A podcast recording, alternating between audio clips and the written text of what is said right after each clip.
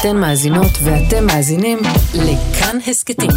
כאן הסכתים, הפודקאסטים של תאגיד השידור הישראלי.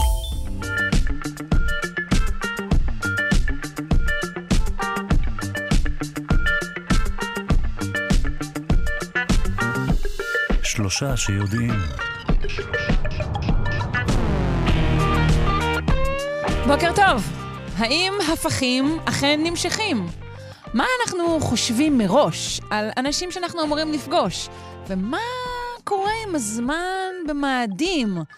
על אה, נושאים אלו ואחרים נשוחח בשעה הקרובה, שערכה אלכס לויקר, על ההפקה, תמר בנימין וטל ניסן, סיוע של עדי קליגר, על הביצוע הטכני הבוקר שרון לרנר, אני, שרון קנטור, בואו נתחיל.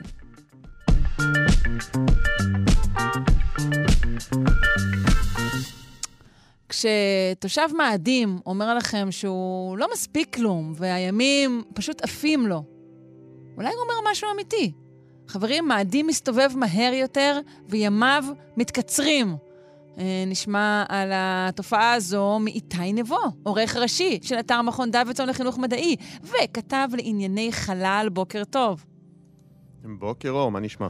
בסדר גמור, יאללה, אז מה, מה יהיה עם אנשי מאדים? אז אה, באמת אין להם זמן, אתה יודע, ללכת לביטוח לאומי וכל הדברים האלה. לגמרי, היממה שלהם מתקצרת והולכת בקצב מסחרר של, תחזיקי חזק, מחזיקה. שלושת, שלושת רבעי אלפיות השנייה כל שנה. וואו, הם מפסידים לדעתי מאית עפעוף בשנה. אה, משהו, משהו כזה, כן. זאת אומרת, אם. תושב מאדים אומר לך שהוא לא מספיק כלום, זה אומר שיש לו שעון ממש ממש מדויק. ממש ממש מדויק. אוקיי, קודם כל, מאיפה מגיעים אלינו הנתונים בכלל אה, לגבי הז- הזמן על מאדים? איך אנחנו מודדים אותם? טוב, הפרויקט הזה זה מחקר שנעשה בעזרת אה, נחתת בשם אינסייט, שנועדה בכלל אה, לחקור את המבנה הגיאולוגי הפנימי של מאדים. היא סיימה את התפקוד שלה אחרי ארבע שנים מוצלחות והגדילה ראש, והתחילה. למדוד דברים אחרים. לא, לא, זה ממצאים שנאספו אה, כשהיא עדיין הייתה פעילה.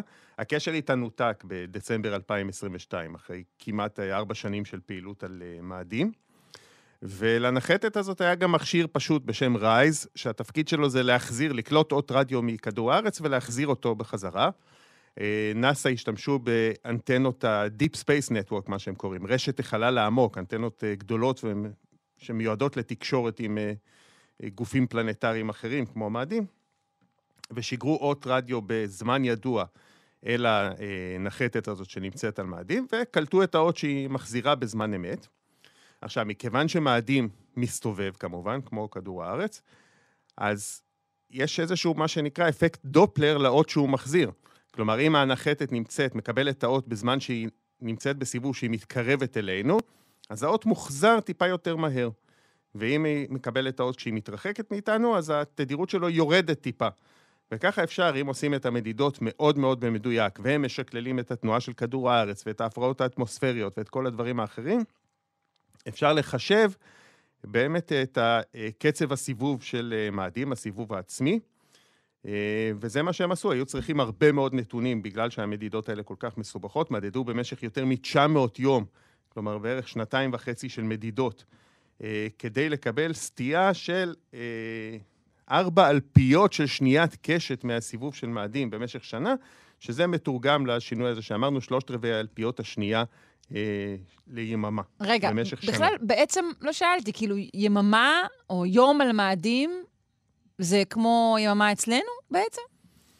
היממה של מאדים טיפ-טיפה יותר ארוכה משלנו, למרות שהוא אה, הרבה יותר קטן מאיתנו, כלומר הסיבוב שלו הוא בגדול יותר איטי, אהה. אבל היממה שלנו נמשכת 24 שעות ו-37 דקות. אה, היממה הזאת אוקיי, הם אז- קוראים... בגדול, אז יש להם יותר זמן מראש. להתחיל איתו, הם יכולים לאבד את האלפית שנייה הזאת בשנה. אוקיי, אה, אה, הבנתי. כן, וזה מאוד מעניין אגב, כי יש למשל מדענים שעובדים עם תוכניות שקשורות במאדים, לפעמים הם מכוונים את השעון שלהם לשעון מאדים וחיים את היממה הטיפה יותר ארוכה הזאת כדי להסתדר עם הסדר יום של ה- רכבי השטח שפעילים שם. כן. עכשיו, בעצם ממה גורם, ממה נגרם הקיצור הזה? או, זאת שאלה טובה מאוד, המדענים עדיין לא יודעים בדיוק. ההנחה היא שזה נובע משינויים בפיזור המסה של מאדים. כלומר, ככל שהמסה מרוכזת קרוב יותר למרכז של גוף מסתובב, או לציר הסיבוב שלו, אז הסיבוב הזה יהיה יותר מהיר. אפשר לדמיין את זה, אם את חושבת על אה, אה, מתעמלת שמחליקה על הקרח, וכשהיא מסתובבת סביב עצמה במהירות, אז אם היא פותחת ידיים, פורסת אותם רחוק מהגוף, היא מאטה, וכשהיא מצמידה את הידיים לגוף, הסיבוב שלה מואץ. כן. אז כנראה שזה מה שקורה ב, אה, במאדים. אה, מעריכים שאו שיש הצטברות של יותר קרח בכתבים, קרוב לציר הסיבוב, וזה גורם להאצה הזאת, או שאיזשהו שינוי בפיזור המסה דווקא באזור קו המשווה, כנראה גם כתוצאה מסיומן של תקופות קרח, שגורם לסיבוב הזה טיפה להאיץ ולהיות יותר מהיר. אבל אם זה הדברים שאתה מתאר, אז גם בכדור הארץ זה גם כן צריך לקרות. שינויים כאלה. כדור הארץ, אה, להפך, כדור הארץ דווקא אה, בדרך כלל מאיץ את היממה שלו. אנחנו יודעים שלפני, אה, נגיד, מיליארד שנים, היממה של כדור הארץ הייתה הרבה הרבה יותר קצרה, מדברים על אפילו 19 שעות ביממה בלבד. מה? ולאט... באמת? כן, כן. כן, לפחות כך טוענים החוקרים. אני לא... אמנם זקן, אבל לא הייתי פה לפני מיליארד שנים. אוקיי, וואו. אה, טוב, מעניין מה, מה צפוי לנו בהמשך. כלומר, אה, אם, אם זאת מגמה, אז אנחנו יכולים לצפות שהיממה תתארך עוד בעתיד? אה, לא בקנה מידה כזה, לפחות לא, כמובן לא בזמני לא בימי חיינו, של... כן, כן, אני של... מבינה כבר שאני לא הולכת להרוויח או, או להפסיד מהסיפור הזה שום דבר. לא, אצלנו אגב המצב הרבה יותר מורכב, גם כי אנחנו קרובים יותר לשמש וגם כי יש לנו ירח מאוד גדול שמשפיע על ה... הסיבוב אה, העצמי של כדור הארץ, אבל כן, יש בפירוש שינויים גדולים יחסית בקצב הסיבוב העצמי של כדור הארץ, והם משתנים עם הזמן.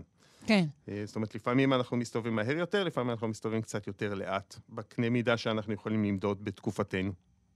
באופן עקרוני, אני מניחה שכל המושגים האלה של, של, של באמת של זמן, מדידת שעות, כל הדברים האלה, באמת רלוונטיים רק לבני האנוש שמסתובבים שם על מאדים, כן? אה, בני האנוש או יצורים חיים אחרים. זאת אומרת, המשמעות של המחזור היממה על כדור הארץ הייתה משמעותית לחיים הרבה לפני כן. שבני אדם אה, הופיעו כאן. אה, על מאדים, ככל הידוע לנו, כיום לפחות אין חיים. אולי בעבר היו שם איזה שהם חיים מיקרוביאליים, והם כן הושפעו מאורך היממה. אם כי שינויים כאלה זניחים של רבע אלפית השנייה בשנה, כנראה לא ממש משפיעים על חיים.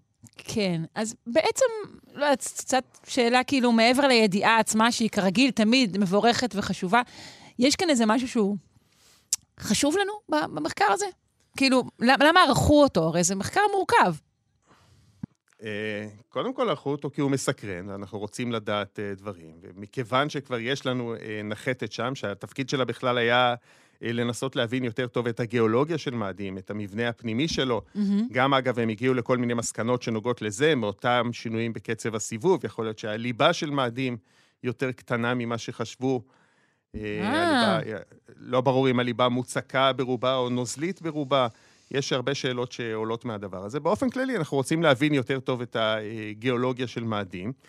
יכול להיות שכשיהיה לנו תובנות על התמונה הכללית, יהיו לזה גם השפעות אם וכאשר יום אחד בני אדם ינחתו שם ויצטרכו לתפקד שם, או לחפור שם בניסיון, לקדוח שם בניסיון להוציא מחצבים מהקרקע, או דברים כאלה. ואם לא, אז יהיה לנו סתם עוד ידע שנוכל אולי כן. יום אחד להעשיר בו את אה, חיינו. לא, עוד ידע זה תמיד מבורך. אה, בסדר, אני מניחה שאולי אילון מאסק מכוון שעון עכשיו אה, בצורה מעט אחרת. אה, ואני מודה לך, איתי נבו, עורך הראשי של אתר מכון דוידסון לחינוך מדעי וכתב לענייני חלל. יום טוב ומלא לך, כולל כל אלפית שנייה שאתה צריך. יום טוב וקריר לכולנו. ביי ביי.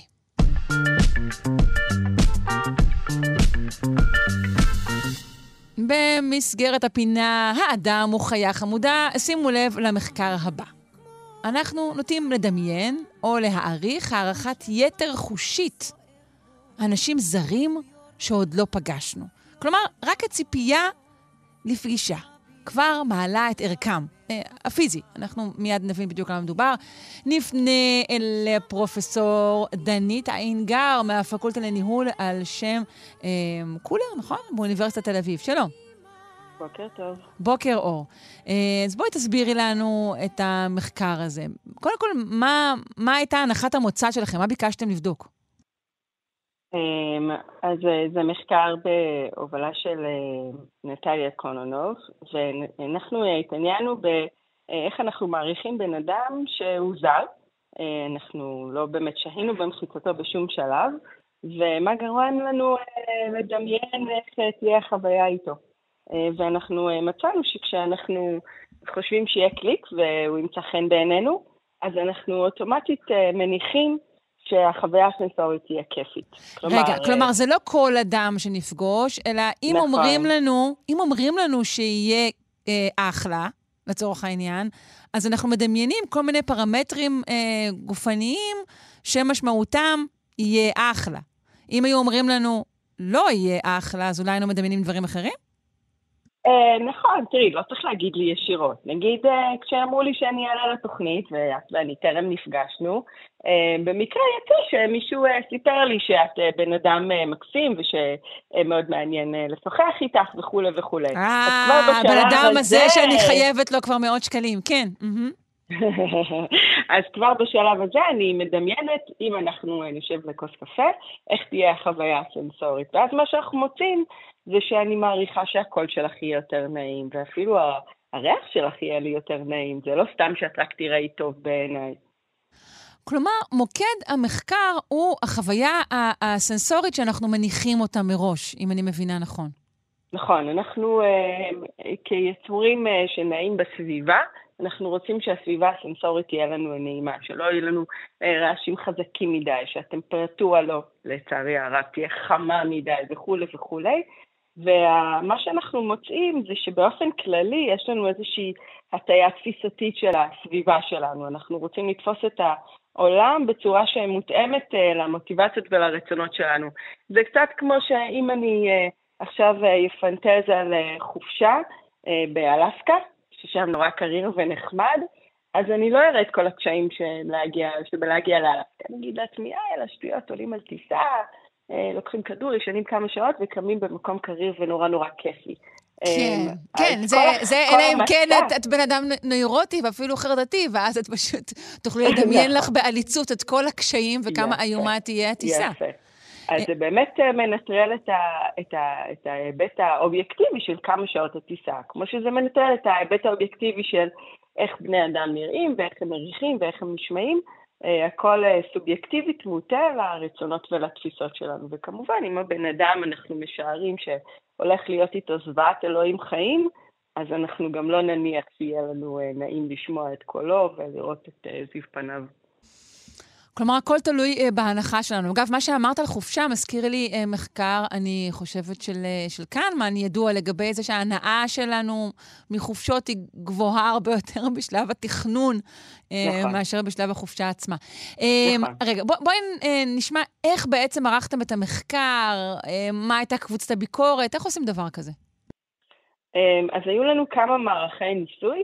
המערך הראשון רק רצה להראות את ה...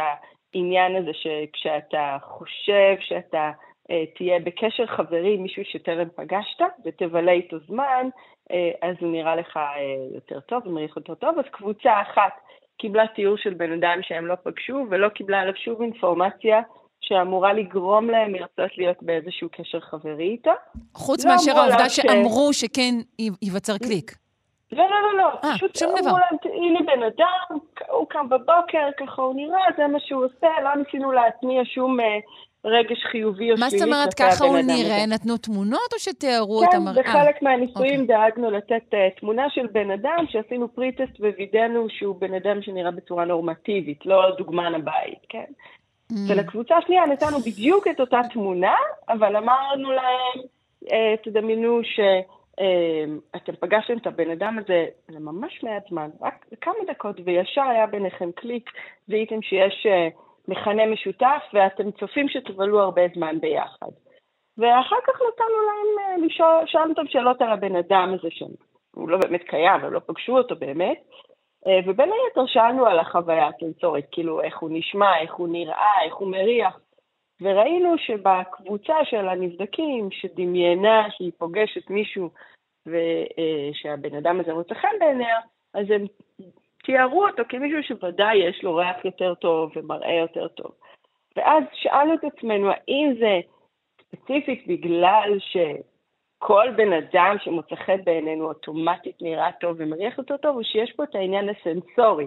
שרק אם אנחנו מדמיינים שנבלה זמן ביחד, אז קורית ההטייה הזאת. אז באמת, בניסוי שבעיניי הוא ככה, מה שנקרא, חותם את הגולל על כל העסק הזה, אמרנו לכולם שהם פגשו מישהו באיזשהו רעיון עבודה, אה, ושהאיש הזה ממש משתי דקות של שיחה מצא חן ביניהם. הם ראו שיש שפה משותפת ושהם היו רוצים להיות חברים של הבן אדם הזה.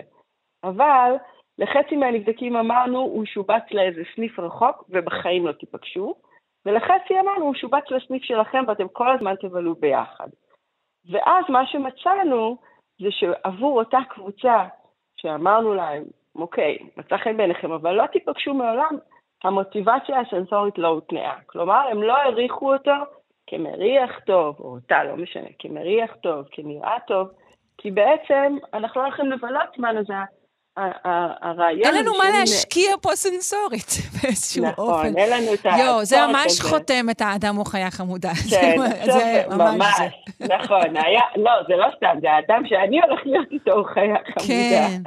רגע, אמרת, אמרת רגע... והתחילו להגיד לנו, אז אולי זה, אולי רק זה קטע, את יודעת, רומנטי וכולי וכולי, אז לא. היו לנו בעצם אה, אה, עשרה פרופילים של גברים ונשים אה, בכל מיני צורות של נראות, מכל מיני, נקרא לזה פיצ'רים, אפרו-אמריקאים, אסייתים, בלונדינים, לא בלונדינים, ואנחנו רואים שזה גם גברים מעריכים גברים, גם נשים מעריכות נשים, גם גברים נשים, גם נשים גברים, כלומר, זה לא רק, זה לא רק העניין הזה של העניין הרומנטי, מה שפעם כן. חשבו. כלומר, זה, זה, זה הציפייה, כמו שאמרנו, גם לפגוש מישהו שיש קליק, וגם לדעת שנצטרך פה, שתהיה פה השקעה, שיש פה איזו מערכת יחסים לכאורה. או בדיוק. משהו שדומה לזה. ונבלה הרבה זמן ביחד, שיהיה לנו נעים ביחד. רגע, ואמרת גברים, נשים לא משנה, זה בגלל שבדקתם גם וגם וזה היה דומה אה, לשני נכון. המינים? נכון, אין אפקט של מגדר. אוקיי. כן, כן. אה, כן. יש לנו אה, השערה על היתרון האבולוציוני של אה, נטייה חמודה זו? אה, אני חושבת שזה איזשהו אה, מנגנון הגנה לעצמי, כן? אני, אני מראש מגינה על עצמי מחוויות שאני חושבת שיהיו חוויות אה, סנסוריות קשות ולא נעימות. אם אני כל הזמן אחיה באיזשהו פחד, שיהיה לי רועש, שיהיה לי קר, שיהיה לי מסריח, שיהיה לי מכוער בעין, mm-hmm. אני אמנע מכל מיני חוויות. אז חלק מהמנגנון המוטיבציוני להיכנס ל... מקומות חדשים, לחוות דברים חדשים, לפגוש אנשים חדשים, זה העניין הזה של כאילו תהיה לי חוויה טובה. אז הציפייה הזאת מניעה אותי לפעולה, ואנחנו עושים לעצמנו בוסט לדברים האלה כדי שנהיה מונעים יותר בקלות לפעולה. כן, אופטימיות כרונית. אה, בסדר גמור, כן. אה, מחקר מרתק, אני מאוד מודה לך. אה, באמת אה, שמחתי לשוחח, קולך היה בהחלט אה, נעים בעיניי, וגם השיחה הייתה מעניינת אה, כפי שציפיתי. או, אני מדמיינת אותך יפהפייה אמיתית. לא, זה טירוף פה, אני גם לא רוצה להגיד מה אני לובשת. אה, פרופסור דנית עינגר, מהפקולטה לניהול על שם קולר באוניברסיטת תל אביב, תודה רבה. תודה לך. יום טוב, ביי.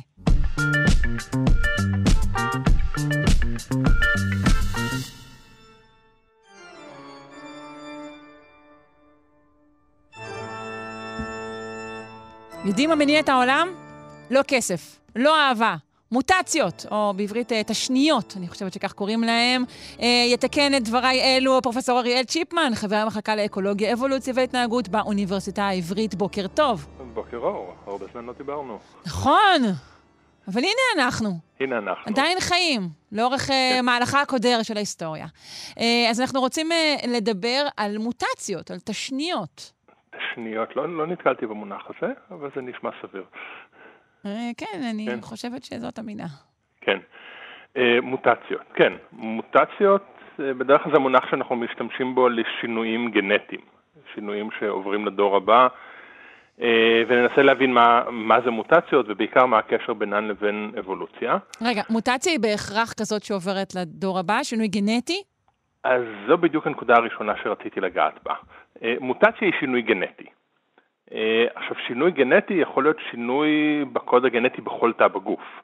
מוטציות בתאים שאינם תאי מין, כלומר תאים שאינם משמשים ליצירת הדור הבא, הן חסרות משמעות מבחינה אבולוציונית. כלומר, יכולה להיות לי מוטציה בתא באצבע, שתגרום למשהו מוזר באצבע, יכולה לגרום לגידול סרטני, אבל מבחינה אבולוציונית זו מוטציה לא חשובה. המוטציות המשמעותיות הן רק אלה שמופיעות בתאי המין ויכולות לעבור לדור הבא, אז אולי זו הנקודה הראשונה שצריך להבהיר, הקשר mm. בין מוטציה לבין אבולוציה. אוקיי. אה, ומכאן אולי גם נובע שהרבה מאוד מהמוטציות, הרוב הגדול של המוטציות הן חסרות משמעות מבחינה אבולוציונית. אה, בצעירותי הייתי מדריך בכל מיני חוגי טבע, ותמיד כשהייתי מדבר על מוטציות, אז הילדים מיד היו קופצים ואומרים, אה, כמו צווי הנינג'ה. כן, אז, אה, ברור, זאת, כן. זאת האסוציאציה הראשונה. אז נכון, אז לא כך.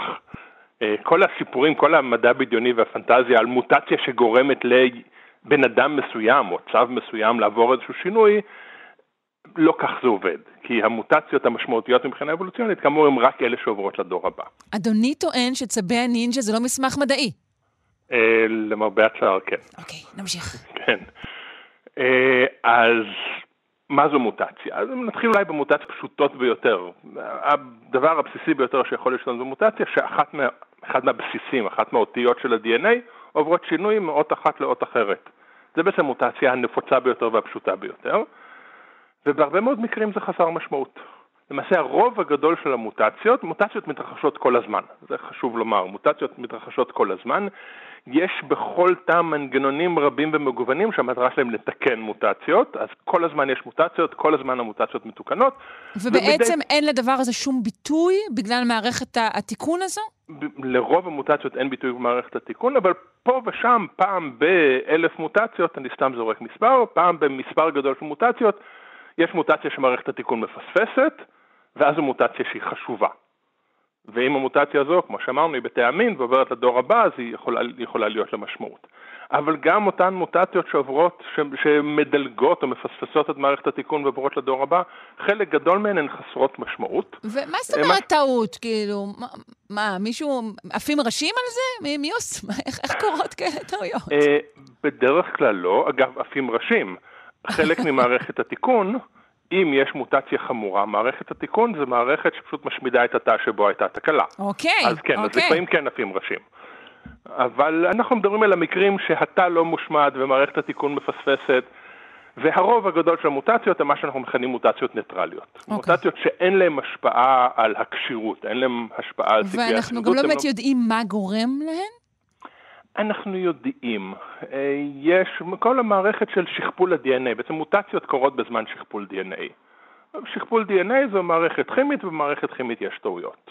אז כן, אז okay. אוקיי. המוטציות נגרמות פשוט מזה שהמערכת הכימית לא מושלמת. אוקיי, okay, כאילו חוטפים, חוטפים עצים, עפים שבבים, יש שם הרבה מאוד עצים לחטוף, ואחת לכמה זמן יש טעות. אוקיי. Okay. בדיוק. אה, אני, אני קצת סוטה מהנושא, אבל... מוטציות יכולות גם להיגרם מכל מיני גורמים חיצוניים, קרינה אולטרה סגולה, חומרים מסוימים, חומר, מה שאנחנו מכנים חומרים מסרטנים. זה חומרים שמגדילים את הסיכוי למוטציה. אה, אוקיי. אבל נשים את זה בצד, בסדר. זה סיפור uh, מעניין, סיפור מעניין, אבל לא, אבל לא, לא רלוונטי אוקיי. לענייננו כרגע. אז הרוב הגדול של המוטציות, אמרנו, הן מוטציות ניטרליות. המוטציות האלה מעניינות אותנו מבחינה אבולוציונית, כי כל כל העבודה על אבולוציה מולקולרית ושונים מולקולריים ובניית עצים ודברים שדיברתי עליהם לא פעם בפינה, מבוססת על אותם שינויים שהם חסרי משמעות אבולוציונית, אבל אפשר לעקוב אחריהם. אז יש הרבה מאוד מוטציות מהסוג הזה, שהן חסרות משמעות מבחינת ההשפעה על הכשירות, אבל מעניינות אותנו כחוקרי אבולוציה, כי אנחנו יכולים להשתמש בהן כסמנים אה, לזמן שעבר ולקרבה. אוקיי. Okay. אה, עכשיו יש עוד קבוצה של מוטציות שהן מוטציות לטליות, מוטציות שמתים מהן, מוטציות שגורמות לפגיעה באיזשהו גן חיוני, אז המוטציה הזו בעצם תגרום לאורגניזם, לצאצא, לא לשרוד. המוטציה אז זאת מוטציה בת... שגם לא תעבור הלאה. היא לא תעבור הלאה, היא תעבור לדור הבא, אבל היא לא תעבור לדור שאחריו, כי הדור הבא ימות. כן, בדיוק. בטווח בין המוטציות האלה שלא עושות כלום, לבין המוטציות שהורגות, שם בטווח הזה נמצאות המוטציות המעניינות מבחינה אבולוציונית. אבולוציונית, כן. כן, שם נמצאות המוטציות שכן מובילות לאיזשהו שינוי, אבל לא הורגות. וסטטיסטית המוטציות האלה מאוד מאוד נדירות. בסדרי גודל של אחד למיליון או אחד לכמה מיליונים. אבל שם קורית האבולוציה. שם קורים השינויים שהם משמעותיים מבחינתנו. עכשיו, מה מוטציה כזו יכולה לעשות? שוב, נתחיל עם המוטציות הפשוטות ביותר, יש שינוי של אות אחת מאות אחרת, זה יכול לגרום לתוצר של הגן, לחלבון או למה שהגן מייצר, להיות טיפה שונה. אז החלבון שמתנהג טיפה אחרת, אם זה חלבון שקשור לצבע, אז הוא משנה את הצבע, אם זה חלבון שקשור לאיזשהו תהליך פיזיולוגי של פירוק סוכרים או משהו כזה, לגרום לו לעשות את זה טיפה אחרת, טיפה יותר יעיל, טיפה פחות יעיל, והמוטציות האלה הם מה שעובר את הברירה הטבעית, הם מה ש... המוטציות האלה שהן מוצלחות, שמגדילות את הסיכויים של, ה... של הפרט לשרוד, הם אלה שהולכות ונעשות נפוצות יותר. אבל אנחנו עדיין בתחום המוטציות שהן לא מאוד מעניינות, המוטציות העוד יותר זה מעניינות. זה נשמע לי די מעניין, אבל בסדר. נכון, אבל גם זה יחסית נדיר, כי אם ננסה לחשוב מבחינה אבולוציונית, שיניתי קצת את הגן, שיניתי קצת את החלבון, בסדר, זה, זה, זה ניואנסים, איפה, איפה השינויים המעניינים, איפה קורית האבולוציה האמיתית. ומסתבר שהשינויים המעניינים יותר מבחינה אבולוציונית, זה כשמוטציה היא לא בגן עצמו, אלא באזור הבקרה של הגן. כלומר, באזור שאומר לגן איפה לפעול. וכאן דברים מתחילים להיות מעניינים. כי אפשר בלי לפגוע בתוצר של הגן, בלי לפגוע במה שהוא עושה, לשנות את איפה הוא מתפקד, מתי הוא מתפקד, וכאן מתחילים להיות שינויים שיכולים להיות משמעותיים יותר מבחינה אבולוציונית, כי אלה הדברים שיכולים למשל להשפיע על זה שאיבר מסוים גדל. כי גן או, עובד או, יותר. או קטן?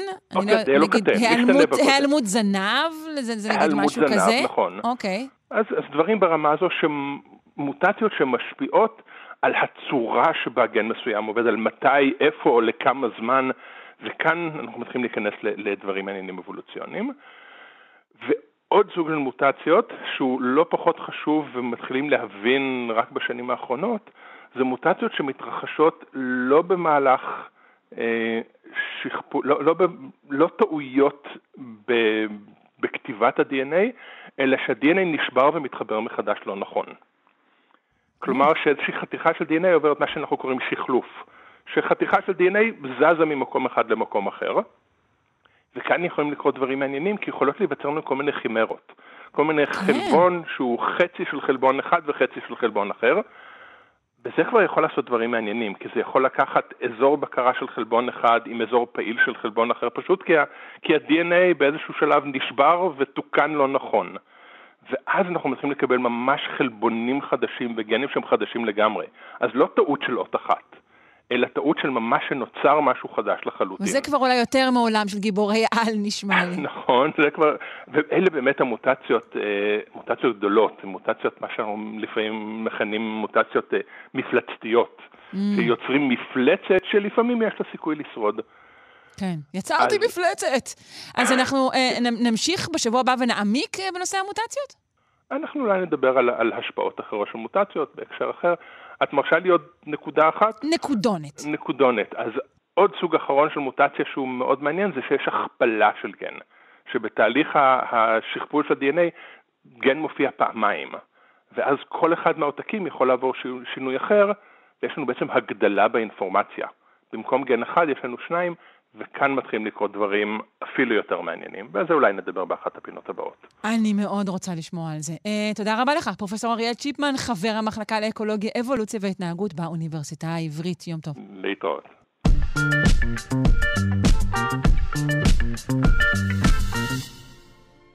מה אתם יודעים? הפינה שייסדנו רק לפני כ-20 דקות כבר צברה הצלחה. והנה החלק השני של האדם הוא חיה חמודה. המחקר אה, שנדבר עליו כעת מסביר בעצם מדוע האמירה הפופולרית הפכים נמשכים, opposites attract, היא ככל הנראה קשקוש מוחלט. נפנה לדוקטור ליאת יקיר, ביולוגית מרצה וחוקרת את הביולוגיה של הרגשות, מחברת רב המכר, קיצור תולדות האהבה. שלום, מה שלומך? בסדר גמור, שרון, מה נשמע? בסדר, לא נפגשנו איזה זמן. הכל בסדר? כן, כן, כן, הכל מצוין. אז, אה, אז מה, הפכים לא נמשכים? זה בכלל לא נכון? אה, זה נכון קצת, אבל לרוב, אה, מה שנקרא, הפכים נמשכים, הדומים נשארים. Mm. כן. כלומר, זה טוב לנו אולי לאיזה fling, אבל בגדול, בשביל חיים, אנחנו מחפשים את מי שדומה לנו. בדיוק. אנחנו מתלהבים קצת מתכונות שונות מאיתנו, ממראה שונה מאיתנו, זה מלהיב אותנו, זה יכול באמת אה, לייצר איזה רומן סוער, אבל בסוף אה, הזוגות אה, שנשארים לטווח ארוך, באמת במחקרים שבוחנים גם עם מי מביאים ילדים וגם זוגיות ארוכת טווח, ההפכים נמשכים, הדומים נשארים. זאת אומרת, בסופו של דבר, ככל שאנשים דומים ממראה חיצוני, חלק מהזוגות ממש נראים אותו דבר, או נראים אחים, או קשורים משפחתית לאנשים מבחוץ. כן, גם או, זה או, קורה, או הופכים לזוגות שנראים ככה כאדם נכון. וכלבו, כן. נכון, אה, ובתרבויות שונות רואים את זה גם, אה, עד לתכונות אה, אישיות ותפיסות, ותפיסות עולם וערכים. אה, ומה ש... לא יודעת אם זה... אולי, לי זה קצת עצוב, כאילו, שכי בסופו של דבר זה קצת אה, כמו אהבה עצמית. אנחנו בעצם בוחרים מישהו כן. כמוני. פה אנחנו לא מדברים על עצוב ושמח, אנחנו תוהים על הדברים כן, האלה נכון. מבחינה של, את יודעת, אה, אבולוציה, כדאיות, האם זה נכון. משפר אותנו גנטית, נשמע לי על פניו שלא בהכרח, אבל זה בטח נובע מאיזה משהו זהיר. את יודעת, מי יודע, האדם האחר הזה, אולי הוא בכלל מאיזה שבט אויב. אבל אנחנו מדברים על מחקר שבעצם... מנסה לבדוק כיצד אנחנו מניחים שהאדם אחר הוא דומה לנו, נכון? על סמך תכונה אחת אנחנו משליכים איזה ספקטרום של תכונות? כן, זאת אומרת, אה, גם אה, יש, זאת אומרת, בנושא הזה גם יש מספר מחקרים, גם שהאחרונים שבהם זה פרופסור נועם סובל במכון ויצמן, שהם הראו שגם אה, אנחנו בוחרים חברים, ובכלל גם בני זוג דרך הריח, גם התאמת ריח ודמיון בריח. שזה על פניו תכונה אפילו לא מודעת לנו. אה, זאת אומרת, זה לא בצורה מודעת, אני אומרת, וואו, יש לו ריח דומה לשלי. אה, אבל אנחנו בוחרים אנשים גם על פי הריח, שהריח הוא בעצם סממן גנטי מאוד חזק. זאת אומרת, הריח שלנו מורכב אה, ממולקולות, מחלבונים, מחומרים שמופרשים מהגוף, שהמקור שלהם הוא כמובן הגנים. וככל שיש יותר התאמה גנטית, בעיקר בגנים של המערכת החיסונית, אז שזה בעצם מהווה את הרבה מאוד מהחלבונים שמוצגים על התאים שלנו, וגם אה, אה, חומרי ריח שיוצאים מהגוף שלנו. אז, אז בעצם יש לנו נטייה לבחור אנשים שיש ריח, הריח שלנו דומה, וכשהריח כן. שונה, אנחנו נרתעים, כשהריח שונה מדי. עכשיו, אם נסתכל על, על היתרון האבולוציוני של, ה, של הדבר הזה, אז באמת... האינטרס של הגנים, במרכאות, אם נדבר בשפה של ריצ'רד דוקינס, הגן האנוכי, mm-hmm. זה קרוב, אך לא קרוב מדי.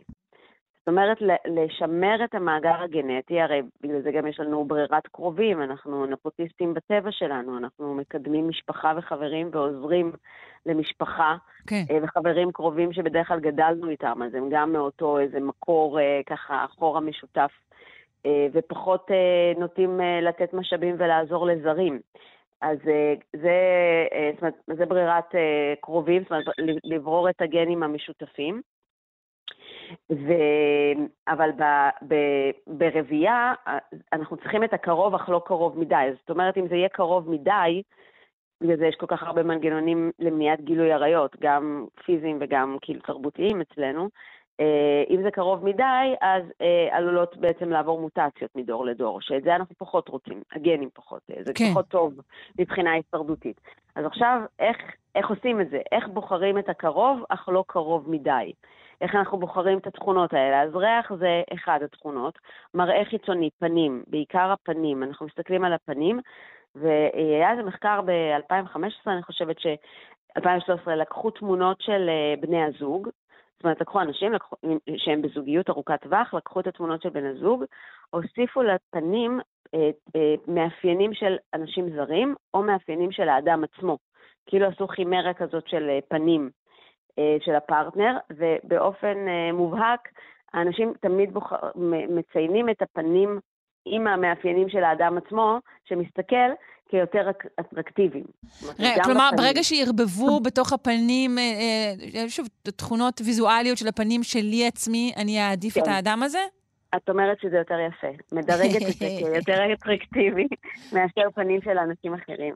אה, אז פנים זה גם, אז אמרנו ריח, פנים, ובכלל, זאת אומרת, מראה חיצוני באופן כללי, אנשים נוטים להתחבר עם אנשים בערך דומים להם ביופי, דומים להם במראה חיצוני, במשקל, בגוף, אה, יש לזה גם היבטים פסיכולוגיים, שזה עוזר לנו גם לשמר את הערך העצמי שלנו. זאת אומרת, אם אני יוצאת עם מישהו שהוא, וואו, כאילו, כל כך, בכמה רמות מעליי, אה, אה, אני יכולה להתעסק פה עם עניין של ביטחון עצמי. אז כאילו, הביולוגיה והפסיכולוגיה כל הזמן מדברות של אה, למה זה נברר, האם מבחינה פסיכולוגית או מבחינה אבולוציונית, אבל בסופו של דבר הכל כמובן אה, בדרך כלל אה, מתחבר. אני רוצה להגיד אפילו בתרבויות מסוימות, גם בקזחסטן, בכל האזור של הקווקז וגם באתיופיה, ממש יש שיטה, יש סיסטם, איך לייצר את הקרוב אך לא קרוב מדי, בעצם לספור שבעה דורות אחורה. זאת אומרת, כשזוג רוצה להתחתן, סופרים שבעה דורות אחורה, לוודא שאין קשר אה, קרוב, משפחתי אה, בדרגה ראשונה, אבל שזה לא רחוק מדי. זה כאילו שבעה דורות, זה ה... זה מדהים בעיניי, זה כאילו... כלומר, ה... זה, זה המועמד האידיאלי? מישהו שהוא קרוב אליך, אך ממרחק של שבעה דורות? כן. זאת אומרת, זה, זה מה שהתפתח בתרבויות האלה, אז אני אומרת, זה ממש, אה, מבחינת הגנטיקה זה מדויק. Mm. אה, להקטין סיכוי למוטציות, זאת אומרת, לא לאפשר לזוגות להתחתן אם הם אה, דור אחד או שני דורות, כאילו בני דודים או בני דודים שניים או שלישיים, וממש בעצם לעזור לשמור על המאגר הגנטי של הקבוצה, דרך כן. החוק הזה, של, וגם לשמור את כל הרקורד, כן? כאילו, בשביל לעשות את זה צריך לשמור את כל הרקורד של כל משפחה וכל אדם שנולד בתוך הקבוצה. ותגידי, האם אנחנו עושים לפעמים השלכה? זאת אומרת, תגידי, אם אני רואה מישהו דומה לי חיצונית, או שסתם, לא יודעת מה, כאילו, נורא נורא אוהב איזה ז'אנר מוזיקלי שאני אוהבת, אני אחשוב שאולי הוא גם חולק איתי דברים אחרים, נוספים? אני ישר אחגוג את זה? כן, כל הזמן. Mm. אבל אנחנו משלימים את זה בראש, כי גם בהתחלת הקשר, האוקסיטוצין והחברים שלו, כל רומוני אהבה, אה, גורמים לנו לאופוריה. זאת אומרת, לראות את המציאות יותר ממה שהיא, כאילו כמו שאנחנו כן. רוצים לראות אותה. וכמו שאמרנו, אנחנו מאוד נמשכים לאנשים שדומים לנו, גם יותר קל לנו, אנחנו יותר מסתדרים עם אנשים שדומים אז לנו. אז אנחנו גם עושים את הרמייה הזאת, כן. בעצם. כאילו, וואי, יואו, אתם לא מאמינים, דיברנו שש שעות רצוף, אנחנו אותו דבר. אבל זה לא בהכרח נכון, זה נובע מאיזושהי השלכה והרחבה של, של תכונה אחת. בדיוק, וזה חשוב שאת אומרת את זה, כי חשוב באמת לזכור את, ה, את העניין הזה, שאנחנו יוצרים את האידיאליזציה הזאת ו, ו, ומרגישים אופוריה מאוד גדולה בת, בתחילת הקשר, כי אחר כך, בגלל שהציפיות שפיתחנו כל כך גדולות, שאנחנו וואו, מושלמים בהכל, כי אנחנו בסך הכל אוהבים לאכול את אותה אוכל או מוזיקה, אז אנחנו כבר מושלמים בהכל, שהמציאות טופחת קצת אחרי שהפרפרים בבטן אה, יורדים, אז זה נורא קשה פתאום אה, לראות את זה או להתמודד עם זה, מה, אנחנו לא בדיוק אותו דבר? אה, אז זה נהיה לנו מאוד קשה, ואז אנחנו מנסים לשנות את בן הזוג, או לשנות את עצמנו, וגם לשנות את עצמנו זה לא טוב לאורך זמן, לרצות. כן. זאת אומרת, כן. להפוך להיות דומים, רואים את זה הרבה בשפות אהבה, הרי יש חמש שפות לאהבה לפי גארי צ'פמן, זה משהו מאוד פסיכולוגי. זאת אומרת, איך אנחנו מקבלים אהבה ונותנים אהבה, מאוד מושפע מהילדות, מאיך קיבלנו אהבה ואיך uh, לימדו אותנו שזאת אהבה. זה הכל מוטבע. במוח שלנו בשנים הראשונות של החיים, אבל כשאנחנו פוגשים בן זוג שמדבר נגיד בשפה אחרת, נגיד אה, יותר מתנות או יותר מילים, אז אנחנו, גם אם זה לא השפה הטבעית שלי, אני נגיד יותר בן אדם של מגע למשל, אנחנו מחקים את השפות של האחר, ומדברים כזה בכל השפות שמתאימות, כדי שהבן הזוג, אה, שנרצה אותו, שהוא ירצה אותנו, ש, שבאמת הקשר אה, יתקיים אם אנחנו רוצים. אבל אחר כך, עם הזמן, כל אחד חוזר לשפות הטבעיות שלו.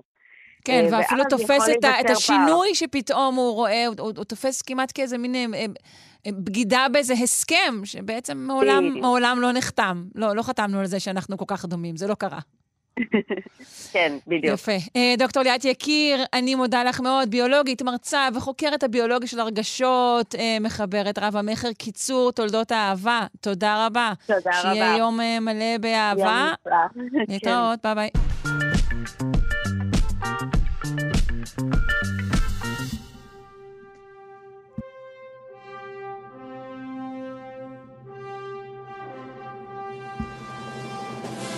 אז אה, לפני אה, צביקה פיק אה, כסוג של גרי ניומן, דיברנו על האופן שבו בעצם אנחנו סוג של נרקיסים מכל מיני סיבות. אנחנו רוצים להיות מוקפים באנשים שדומים לנו. סוג של לשכפל את עצמנו. אנחנו רוצים לשמוע מה יש לעולם הקומיקס לומר על זה, ולשם כך זימנו לכאן כמובן את אורי פינק, איש הקומיקס של ישראל ויושב ראש איגוד הקריקטוריסטים הישראלים. מה העניינים? היי, בוקר טוב, בוקר טוב. בסדר, התאוששת מאנימיקס. כן, כן, האמת שיש אירוע השבוע, יום חמישי, אני רוצה להזמין את האנשים. יאללה. יום חמישי, בבית אריאלה, חוגגים יום הולדת 36 לזבנג. אה, מזל טוב. עושים פודקאסט לייב של טיפש עשרה, שזה פודקאסט מאוד אהוב ופופולרי. כן, כן. ואנחנו עושים את זה, אז זהו, אז כולם בשבע וחצי בערב, כל כניסה חופשית, כל מי שבא ברוך הבא. יום הולדת לזבנג. לזבנג 36, כן. בחמישי, אוקיי, יאללה, בית אריאלה. תל אביב. כן, כן, כן, חינם חינם. אמ, בסדר גמור. אוקיי. אז אנחנו רוצים אוקיי. לדבר בעצם על כן. דמויות שהן דומות. מדי. האם. אנחנו... הפינה הזו בעצם תדבר על סוגים של פלגיאטים, של גנבות, או... כן, כן, תשמעי, זה, את יודעת, זה לא... זה, דברים שהם חוקיים, אך לא מנומסים, בוא נגיד ככה. Mm. אה, כן. כי זה לא תחום מנומס במיוחד, בייחוד קומיקס בתחילת דרכו. כן, אבל אוקיי. אתה תתאר, כן. ואז אני אשאל את מה שאני רוצה. אוקיי, בבקשה. למשל, למשל, יש לנו, הדמות הקרובה, בוא נגיד, הדמות, הקרובה שתקבל סרט משמעותי, זה קוראים לו אקוואמן. אז אקוואמן, כן, שהיה, זה ג'ייסון כל זה, הוא דמות לא מקורית לגמרי, כן, הוא אה, בא בעקבות דמות אחרת שקוראים לה נאמור, The Sub-Mariner, שעכשיו היה בסרט של הפנתר השחור, אם את זוכרת, הוא היה גם כן, אבל הוא המקור בעצם, הוא היה הדמות הראשונה שהיה מלך אטלנטיס, כן, שניהם, גם אקוואמן וגם נאמור הם מלכי אטלנטיס, הם גם, אה, אה, ההורים שלהם, אחד היא אה, אשת, כן, היא אחת מנסיכת אטלנטיס והאבא שלהם הוא בן אנוש, יש להם אותם כוחות, כן, חזקים נורא, הם מדברים עם דגים, אותו דבר, אותו דבר, חוץ מזה שנמור זה פחות נחמד, זה הכל, הוא כזה קצת שחצן ומגעיל.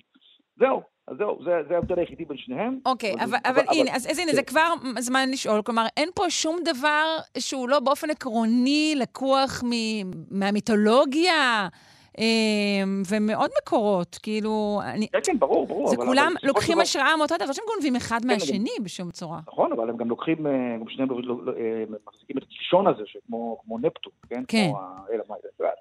קיצור, אבל, אבל, אבל מה שמעניין, כן, שזה הרבה, הרבה מקרים, כמו למשל במקרה של אקוואמן, החיקוי יותר מצליח מהמקור. זה תמיד נורא, Mm. נורא ככה, זה, תמיד, אה, תמיד דבר כזה. למשל, יש גם את, ה, את גרין ארו, כן? ארו גרין ארו, שהיה לו מהמם. סדרה בטלוויזיה והכל, והוקאי, שהוא חלק מהנוקמים. אין להם, אוקיי. כן, זה שני חבר'ה שאין להם שום כוחות, כלום, כלום, כלום, חוץ מזה שיש להם, יורים טוב נורא בחץ וקשת, זהו. כן, יורים בחץ וקשת, ויש להם כל מיני חיצים כאלה שמתפוצצים, שקופצים, עם חוטים, עם רשתות, כל מיני דברים כאלה, זהו. אותו דבר, זהו, אותו דבר, וכן, עכשיו... ופה גם כן החיקוי הוא טוב יותר מהמקור? אה, בוא נגיד, הוקאי, הוקאי הוא בנוקמים, אז הוא קצת יותר... אה, זה, אבל פה, פה, האמת... אה, אבל הנה, דוגמה, הנה, דוגמה קלאסית, יש דוקטור פייט, דוקטור פייט שזה של DC, דוקטור כן. פייט, שהוא מלך הכשף, כן, יש כשף. מה זה, תסביר, מה זאת אומרת? תסביר למי שלא שוחה בעולם הזה. כן, הוא מכשף. מכשף. באיזה כן, אופן. יש לו כל הזמן כוחות כישוף, או שיש לו איזה כן. אביזר? לא, לא, יש לו, יש לו קסדה כזאת שהוא לובש על הראש, דווקא מגניבה נורא. כאילו, מממ. האמת שהוא הופיע עכשיו בסרט של בלק אדם, גירדו אוקיי. אותו, ושמו אותו שם, אבל החיקוי שלו, שהוא הרבה הרבה יותר מצליח, זה דוקטור סטרנג', כן, שימי לב שניהם דוקטור, כן, שניהם דוקטור, כן, דוקטורים, אוקיי? אתה יודע, שניהם דוקטורים, ודוקטור. סטרנג' הוא גם כן, אה, הוא גם כן אה, קוסם, כן, הוא גם קוסם, עשור, אבל זהו, דוקטור סטרנג' הרבה יותר מצליח, כן, כל המי... אבל, אבל. קוסמים ומכשפים יש לאורך כל ההיסטוריה של, של הסיפורים והאגדות. זה, זה, מס, זה. מספיק דומה כדי שתגיד, וואי, זה, זה דמויות שהן הן דומות באופן שהוא מבאס או מחשיד, או משהו כזה? תראי, זה עולם אחר, זה עולם, זה עולם אחר, העולם של הגיבורי על זה עולם אחר, אתה לא יכול, כאילו, יש גם הרבה, תראי, האמת שבהתחלה, באמת, האמת שבהתחלה, בתחילת הדרך, כשסופרמן יצא, אז באמת, כל החברות התחילו להוציא גיבורי על, ו- ודיסני ניסו להילחם בזה, ובאמת, כמה, כמה גיבורי על הם הצליחו אה, להגיד, אוקיי, זה חיקוי, היה איזה דמות שקראו לה וונדרמן, למשל, שאת מהמם. לא שמעת עליו בחיים. הופיעה חוברת אחת, כל העורכי דין של DC, שם כולם יהודים, אז בכלל היה שם גיון שלם של, של עורכי דין, וישר אה, רמסו אותו, כן, והוא נעלם ונ- ולא נשכח לעולם, אבל אחרי זה התחילו להוציא עוד, לא יכלו להילחם נגד זה יותר, ניסו לעצור גם למשל את קפטן מרוויל, את שזאם, גם כן ניסו לעצור אותו, בסוף קנו אותו, אבל לא חשוב, אבל כל הזמן ניסו לעצור את זה, אבל יש, זה, נכון שזה אגדות ומיתולוגיה והכל, אבל בסך הכל בסופו של דבר זה, זה רכוש, זה IP, זה, זה, זה נכס, כן, ברגע שיש לך דמות כזאת, אז אה, אם אתה, מישהו מעתיק ממך, הוא בעצם, אה, כן, הוא בעצם מנצל את, ה, את מה שעשית, זה לא... אז יש פה את הגבול הדק, כן, אמרתי לה, בנימוס, כן. ומה עמדתך. לגבי, אה, אתה יודע, אמ, דיסני הרי ידועים כרודפי כל ייצוג של, אתה יודע, אמ, מיקי מאוס, דונלד דאק, סיפורי דודו גבע כמובן מוכרים לנו. כן, כן, כן. אה, מה העמדה שלך לגבי זה? תראי, אני האמת ראיתי לא מזמן פרק של סאות' פארק, אני עכשיו עושה בינג' על סאות' פארק. יש שם קטע של מיקי מאוס, מסתובב, מרביץ לאנשים, יורה באנשים, חופשי, כאילו, וזה, כן. שם לא עשו לו שום דבר. מממ. אז זה, זה, זה, עכשיו לא עשו להם שום דבר. עכשיו העניין הוא, זה, זה, יש, יש, יש דבר, הדבר ראשון, אני לא יודע איך דודו גבע הפסיד את המשפט הזה, זה באמת תופעה מדהימה, לא יודע מי העורך דין שלו, זה היה מדהים, אבל, אבל יש עניין של שימוש הוגן, יש שימוש הוגן, אתה, יש לך, יש לך דמות קיימת בתרבות, אתה משתמש בה, שימוש הוגן, כן? אתה אומר, אוקיי, אתה לוקח את הדמות הזאת, משתמש בה בסיפור, כי היא חלק מהחיים, כי היא חלק מהמציאות, אתה לא, כן, אתה, או שאתה מבקר אותה, או שאתה משתמש בזה כדי להביע עמדה. לבקר בעיניך זה שימוש הוגן.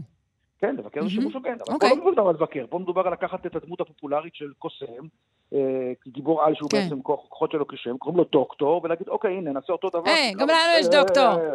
כן, בדיוק, זהו. והוא למד יותר שנים מהדוקטור בדיוק, שלכם. בדיוק, הוא זהו, יש לו מרפאה והוא מקבל בשעות פרטיות. וזה, הוא מקבל זה, כן? ויש יש את הפלאש וקליק קוויקסילבר, כן? גם כן, פלאש. מה פלאש רץ מהר. לא, בלי מרוויל אמרו, גם אנחנו רוצים מישהו שרץ מהר, הביאו דמות, קראו לה קוויקסילבר. כן? גם פלאש אותו דבר, וקוויק אותו סילבר, דבר. כן, זה מאוד, זה דומה אפילו כן, ב- כן, ב- בשם. הכל, הכל, כן, Mm. נכון. למרות שפה פלאש עדיין יותר מצליח, זה דווקא לא קרה.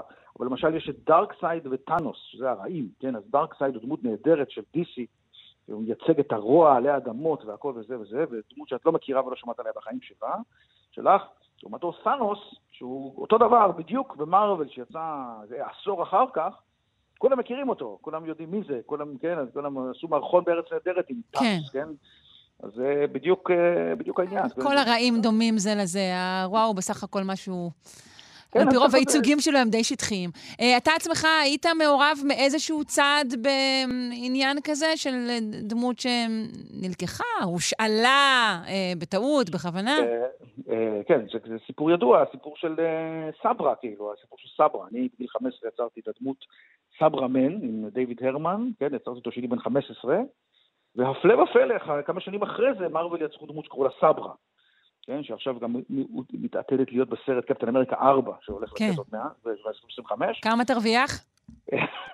אף לא אגורה שחוקה, אין לי סוס, אין לי קייס, אין לי קייס, זה אותו מקרה, כן, אני לא יכול לבוא להגיד, "היי, אה, זה סתם, זה לא מנומס, זה לא יפה, לא, לא יודע למה הם עשו, בטח, בטח מישהו שם ראה את סברה מהם ובא לו הרעיון הזה, אבל לא, שוין, אז שיהיה, אני לא, אין לי, אין לי כוונה ל, ל, ל, להכניס לחיים שלי עורכי דין אה, יותר מדי בשביל אה, להרוויח כמה גרושים, זה לא, לא, לא מתאים לי, לא, לא, לא, לא יעזור לבריאות. אבל, אבל הרגשת אז שפרט לשם נלקחו מהדמות שלך פרמטרים מסוימים? לא, האמת שלא, האמת שלא. זה, בגלל זה גם אני אומר שזה לא, אין לי קייס, אין לי קייס. יכול להיות שאת, עורכי דין לפעמים יכולים להוציא כל מיני שטויות, רק שישתיקו אותי, שאני אפסיק לעשות רעש, כל מיני דברים כאלה. מהמם. אבל תכלס, אני, אפשר להקליט את זה, אין לי קייס, אין לי קייס. הדמות היא, א', זה בת, כן, סברה היא בת, סוף הוא בן, יש לו כוחות אחרים, יש לו זה, הם לובשים שניהם כחול לבן, אבל זה, כאילו, duh, מה, גיבור על ישראלי ילבש אה, כתום סגול, כן, אין זה.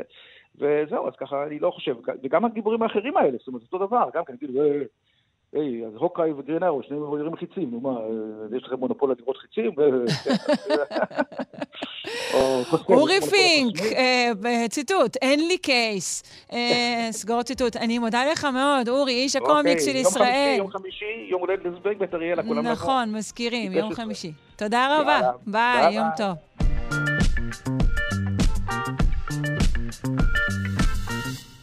צוות מחקר באוניברסיטת תל אביב הצליח להרוג 90 אחוזים. כן, מתאי סרטן הדם אה, מיאלומה נפוצה בתנאי מעבדה, ו-60 אחוזים אה, מהתאים אלו ברקמות אה, אנושיות. זאת באמצעות תרופה מבוססת RNA. נשמע הכל על פריצת הדרך המופלאה הזו מהפרופסור דן פאר. הוא ראש המעבדה לננו-רפואה וסגן הנשיא למחקר ופיתוח באוניברסיטת תל אביב. בוקר טוב. בוקר טוב. אה, ברכות לכולנו. אה, קודם כל... ברכות נגיד אחרי שזה יהיה ב... נכון, לא. בניסויים אצל בני אדם ויאושר. נכון, לא, אצלנו בתוכנית אנחנו נותנים ברכות ראשוניות על הפריצה המחקרית, ואז ממשיכים עם ברכות חלק ב' אה, בשלבים הבאים. אה, קודם כל, בוא תספר לנו על, על סוג הסרטן הזה והייחוד שלו. אז מיאלומה נפוצה זה סרטן אה, שנמצא בעיקר במח העצם, לאנשים אה, ככה פחות צעירים, גיל... אה, בדרך כלל מגלים אותו בסוף שנות ה-50, תחילת שנות ה-60. יש גם מקרים, אה, יש גם אפשרויות לגיל צעיר יותר, יש גם בגיל מאוחר יותר, אבל בעיקרון אלה הגילאים. הוא לא נדיר, והוא גם לא מאוד מאוד נפוץ. על אף שמו מיהלום הנפוצה? הוא כן, לא כן, מאוד נפוץ, כן. אוקיי. הוא לא מאוד נפוץ, אבל הוא אה, קיים במספרים אה, די משמעותיים בעולם כלומר? המחלות של סרטן הדם. זאת אומרת שיש לנו הרבה חולים בישראל באופן יחסי. לא כמו סרטן שד, לא כמו שחלות, אבל בסרטני הדם אה, שהם אה, ממאירים, אז הוא די נפוץ. כלומר, הוא סרטן ממאיר. כן. אוקיי. סרטן ממאיר ואפילו אה, קטלני. קטלני, אוקיי. אה, אז בואו נדבר על הטיפול חדש שלכם. מה עשיתם? אז בעצם אנחנו במעבדה עוסקים בהובלה של מולקולות RNA כבר הרבה שנים. היינו גם הראשונים להראות שבכלל מסנג'ר RNA, שהיום כבר כולם מכירים, אה, בעצם עובד ויכול להתבטא בתאים ספציפיים בחיה. וזה לא היה לפני המון שנים, אבל זה היה לפני הקורונה. מהמם. ופה הלכנו עוד שלב אחד קדימה, יצרנו מערכות GPS שיודעות להגיע למח העצם, לאותם סרטנים שנמצאים שם. אתה סתם וראינו- אומר GPS כדי שימצא חן בעינינו. ברור. הכוונה היא, אוקיי. הכוונה היא ל... ל... אה, בעצם חלקיקים, ננו חלקיקים מבוססי שומן שבפנים כולאים RNA, עד פה דומה לחלוטין אה, לחיסוני קורונה, נכון. אבל על שטח הפנים של אותם חלקיקים, מה שאנחנו אה, קוראים בשפה, בעגה המקצועית GPS, זה בעצם אה, נוגדנים שיודעים אה, למצוא את הכתובת הנכונה כשמזריקים באופן מערכתי, לווריד, את החלקיקים האלה, הם יודעים להגיע למח העצם, ויותר מזה, במח העצם למצוא את התאים הסרטניים. והם נקשרים לתאים האלה ביעילות מאוד גבוהה, בספציפיות גם מאוד גבוהה, כמו מפתח ומנעול. ממש אה, אנלוגיה מתאימה. שזה באמת דבר שאנחנו יודעים שה- שה-RNA, אה, אה, נכון? שזה זה ייחודי לתרופות שמבוססות RNA, הייעודיות והדיוק הזה? הדיוק אה, זה קשור דווקא במקרה הזה למה שנמצא על שטח הפנים, ה-RNA זה בעצם התרופה פה. אוקיי. אוקיי. אה, אבל נכון, אפשר לכוון מולקולות RNA שהתבטאו רק בתאים מסוימים. אנחנו יודעים לעשות את זה בתנאי מעבדה, אנחנו עדיין לא יודעים אה, לעשות את זה בבני אדם ממש, אבל במחקר הזה הראינו, אה, יחד עם השותפים שלנו, שהם הרופאים ההמטולוגיים בבית החולים בלינסון, בראשות פרופסור פיה רענני, המחלקה ההמטו-אונקולוגית, שבעצם גם בתאים של החולים אנחנו רואים פעילות אה, מאוד מאוד יפה שגורמת להרג סלקטיבי של אותם אה, תאי מיאלומה. אה, אמרת שמיאלומה מתגלה במח העצם? היא מתגלה בסוף בבדיקה של מח העצם, כן. אה, כלומר, זה לא, לא, המקור שלה הוא במח העצם או ששם היא מתגלה? היא, המקור שלה הוא שם, והיא גם מתגלה שם. אוקיי, יש עוד... לפעמים אפשר למצוא אותה גם בדם, Mm, אבל uh, בדרך כלל עושים uh, איזושהי ביופסיה ממח העצם כשיש חשדות uh, סבירים שזה יכול להיות שם. אוקיי, יש עוד מחלות של מח העצם, שנגיד התרופה שלכם תהיה רלוונטית אליהן? כן, כן. יש uh, מחלה שגם קשורה למח העצם, גם סוג של סרטן שנקרא מנטל סל, היא מאוד נדירה. יש בערך 20 חולים בישראל בכל זמן uh, נתון. המחלות האלה, בגלל שהן במחזור הדם, מחלות של תאי מערכת החיסון בעצם, אה, יחסית הן נוחות אה, לפיתוח תרופות. זאת אומרת, יש היום המון המון תרופות חדשות אה, בסוגי הסרטנים האלה של סרטני דם, כי קל לנו יחסית להגיע אליהם. אנחנו שואבים דם, אנחנו יכולים לשאוב עצם, זה יחסית אה, נגיש לרופא וגם נגיש לחוקר. ולכן ראינו שב-15 שנה האחרונות יש המון אה, תרופות חדשות בסוגי הסרטנים האלה. אבל עם ההצלחות הבאמת אדירות שיש לטיפולים שונים, בסופו של דבר כל ההצלחות האלה, לצערנו, הן זמניות. זאת אומרת, אתה משפר את איכות החיים, אבל אין קיור אמיתי. רגע, קודם כל לא. אמרנו בעצם ממה, ממה סובלים מבחינת אה, סימפטומים אה, החולים, נגיד, במיאלומה אה, נפוצה. ב- באופן כללי, כמו כל אה, אה, סרטן דם אחר, תשישות, עייפות, בעיות בשרי, ב, ב, בתנועה, כי זה בעצם משפיע מה שזה בעצמות, זהו, זה מתבטא בעצמות, גם... בעצמות, כן, כן, אוקיי. כן. אז אתה אומר שתרופות... כאבים בעצמות. אוקיי, אז תרופות קיימות מביאות להקלה, אבל לא, לא, רק לא להקלה, לפתרון? בחלק מהפעמים אנחנו רואים ממש אה, הפוגה במחלה שיכולה להיות גם שלוש, חמש שנים, אוקיי, שזה, שזה באמת משהו של השלוש, חמש שנים האחרונות. אוקיי. זה שיפור אדיר ממה שהיה, כי אנשים היו מתים מהם. אבל בחלק גדול, לצערנו, מהמקרים, אחרי שלוש-חמש שנים, זה חוזר. וזה חוזר בצורה יותר אה, אגרסיבית. למה? וקצת עמידה. למה? זאת שאלה... לא, למה ש... זה חוזר בצורה נגיד יותר אגרסיבית? זה. זה, זה קשור דווקא אולי לטיפול התרופתי, או שאין קשר? אנחנו לא חושבים שזה קשור, אבל בסוף גם הטיפול התרופתי, וזו אחת הבעיות שלו, אנחנו לא יודעים להגיע לכל התאים. ומספיק שנשארו כמה תאי סרטן בודדים איפשהו במח העצם, כדי שבעוד כמה שנים הם יפתחו מחלה אה, שהיא אולי גם עמידה יותר לטיפולים האלה, Mm. ו- וזה מין אה, מאבק בין החוקרים אה, ובין המחלה. בכלל זה משהו שאנחנו רואים באופן כללי בסרטן. אנחנו כל הזמן נמצאים במאבקים מול, אה, מול סרטן שיש לו אבולוציה מטורפת בזמן מאוד קצר. אבולוציה תמיד נשמע תהליך ארוך של מיליוני שנה, אבל אצלנו בגוף, במהלך, ב- ב- ב- כשיש מחלה כמו סרטן, יש אבולוציה מהירה מאוד. הגידול הסרטני לומד את הטיפולים, כולל את הטיפולים החדשניים, והוא יודע להגיב אליהם. לפעמים אנחנו מצליחים מאוד, זאת אומרת, הוא, הוא מת, אבל ברגע שנשארת שארית של מחלה, אנחנו לא במצב אידיאלי. אנחנו לא יודעים להשמיד היום 100% מתאי, מתאי הגידול. ובטיפול שלכם אה, בעצם לא, לא, צפ... סליחה, לא צפויה חזרה כזאת?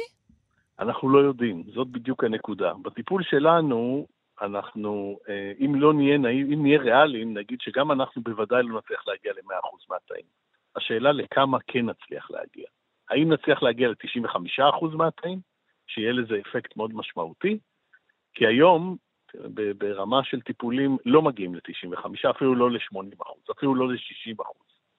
אז יש לנו איזושהי מערכת שהיא הרבה יותר ספציפית, הרבה יותר סלקטיבית, אבל אם נהיה ריאליים, אנחנו, קשה לנו להאמין שזה יהיה הכל או, או כלום. זאת אומרת, כן. שיהיה לנו פה אפקט של 100% מלא. ברור. תגיד, ממה נובע בעצם הפער באחוזי ההצלחה בטיפול החדש שלכם, שאנחנו מבינים שבמעבדה, בתאי מעבדה, הצלחתם לחסל כ-90 אחוז, אבל אז כשבודקים את זה על רקמות אנושיות, זה עומד על 60 אחוז. זה פער די גדול. בעצם נכון. ממה הוא נובע?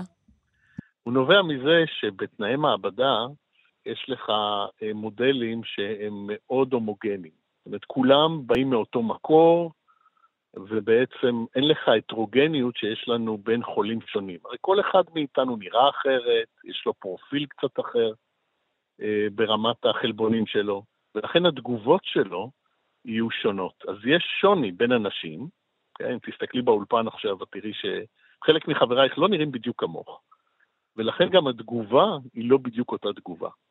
אז הכל זה סוג של מיצוע. כן?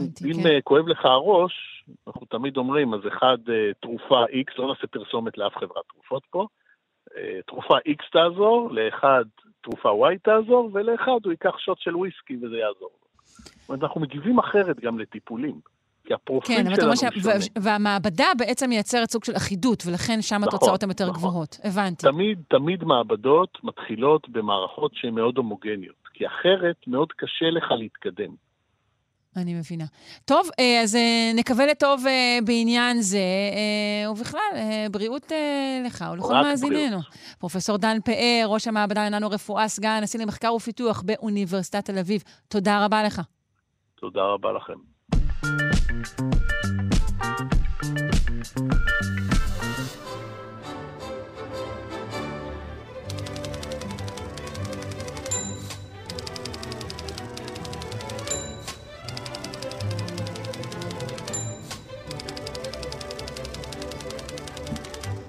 פינת הלשון של הדוקטור סמדר כהן, הלוא היא לשונאית הבית, בוקר טוב. אהלן שרון, מה שלומך? אני בסדר, איך את? אני בסדר גמור החלטתי היום לעשות לך פינה מהשטח, מכיוון שאנחנו עוד שנייה נציין את פתיחת הקו האדום של הרכבת הקלה.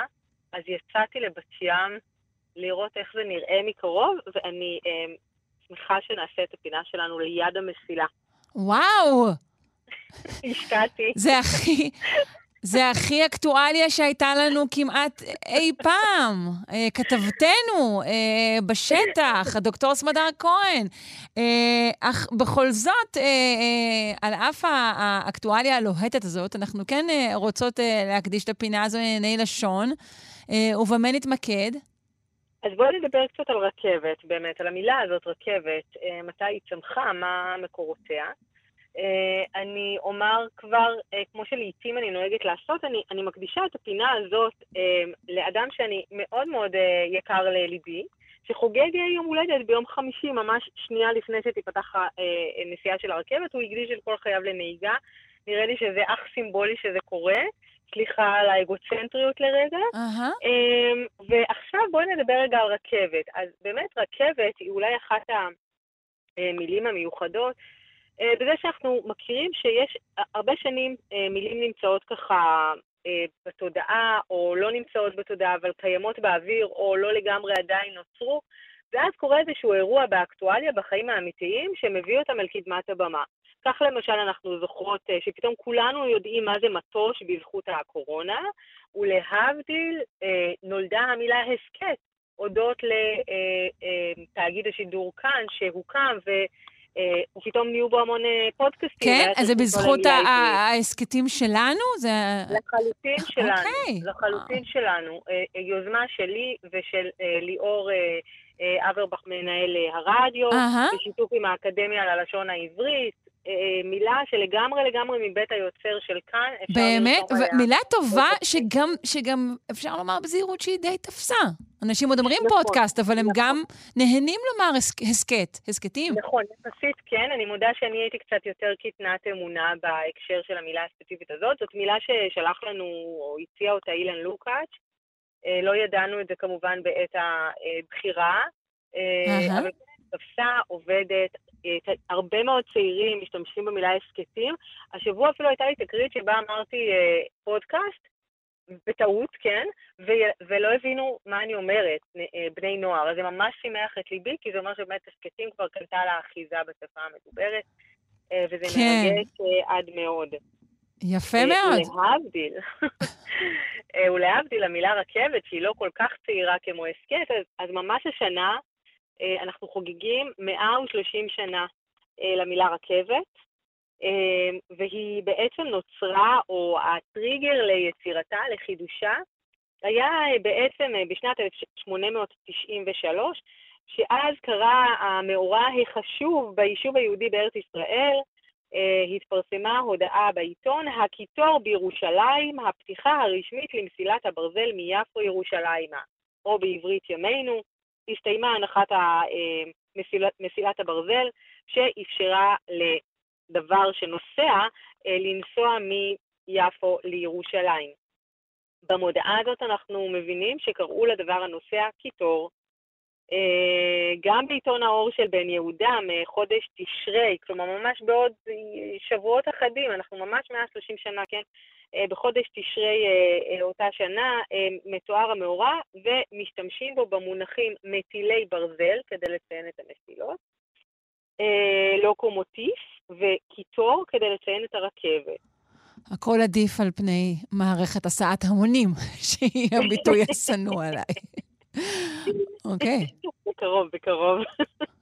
אה, בשבועות הבאים כשיצא העיתון, התחילו להימסר פרטים על הנסיעות של הקיטור הזה, ואז דוד ילין, בלשן, מחנך, איש שכבר הזכרנו לא מעט בפינות שלנו, גם כאחד המחדשים אה, של אה, מילים בעברית, אחד המחדשים המובילים או הפוריים ביותר.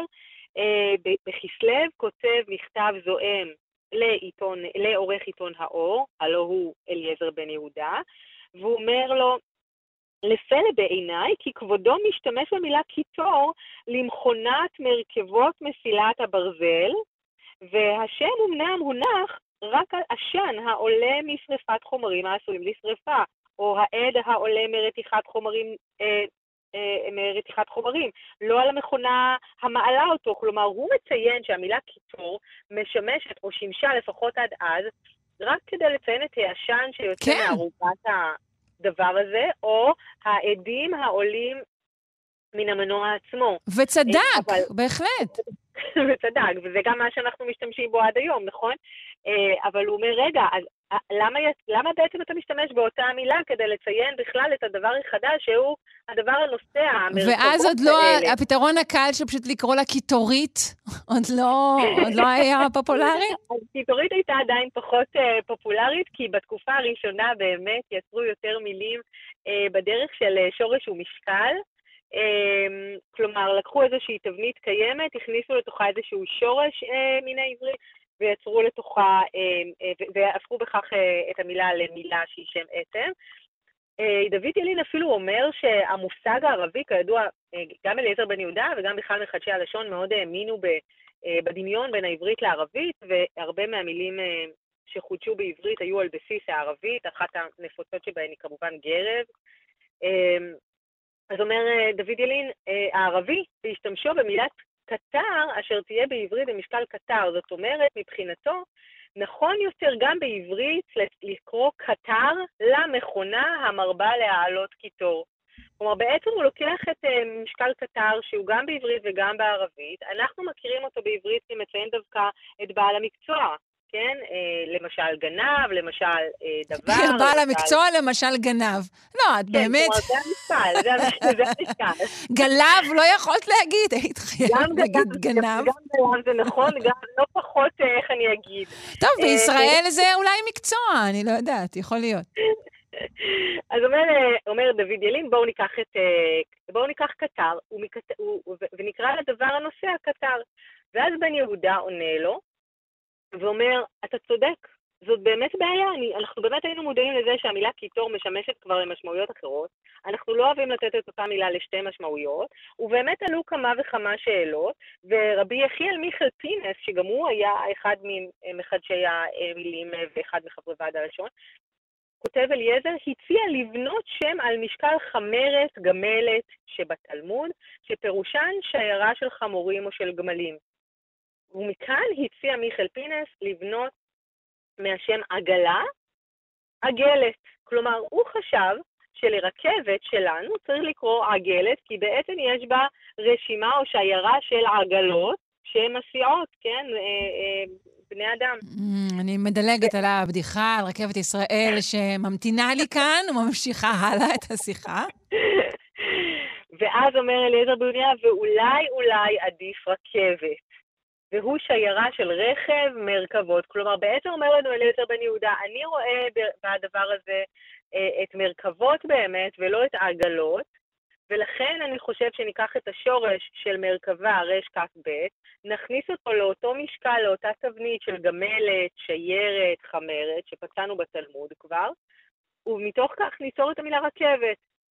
ובאמת זאת המילה שהתקבלה, ובאותה נשימה לקחו את קטר כדי לציין כבר את המרכבה הראשונה בשיירה הזאת. כלומר, יפה. באותו אירוע נוצרו לנו שתי המילים. איזה אה, סיפור. מעולה. אה, זהו, אה, זמננו תם, את תצטרכי להישאר שם אה, בתחנה עד אה, יום שישי, אה, שבה תחל הנסיעה המסחרית הראשונה בקו האדום, בסדר? תמונות בקרוב ב- באתר שלך. נודה לך מאוד. בשלב זה, אה, כתבתנו בשטח הדוקטור סמדר כהן, לשונאית הבית. להתראות. להתראות, שרון.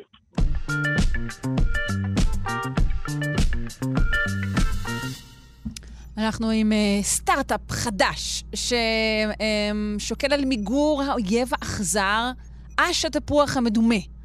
אני לא מבינה, אם הוא מדומה, למה זה דחוף לחסל אותו? בסך הכל מדומה.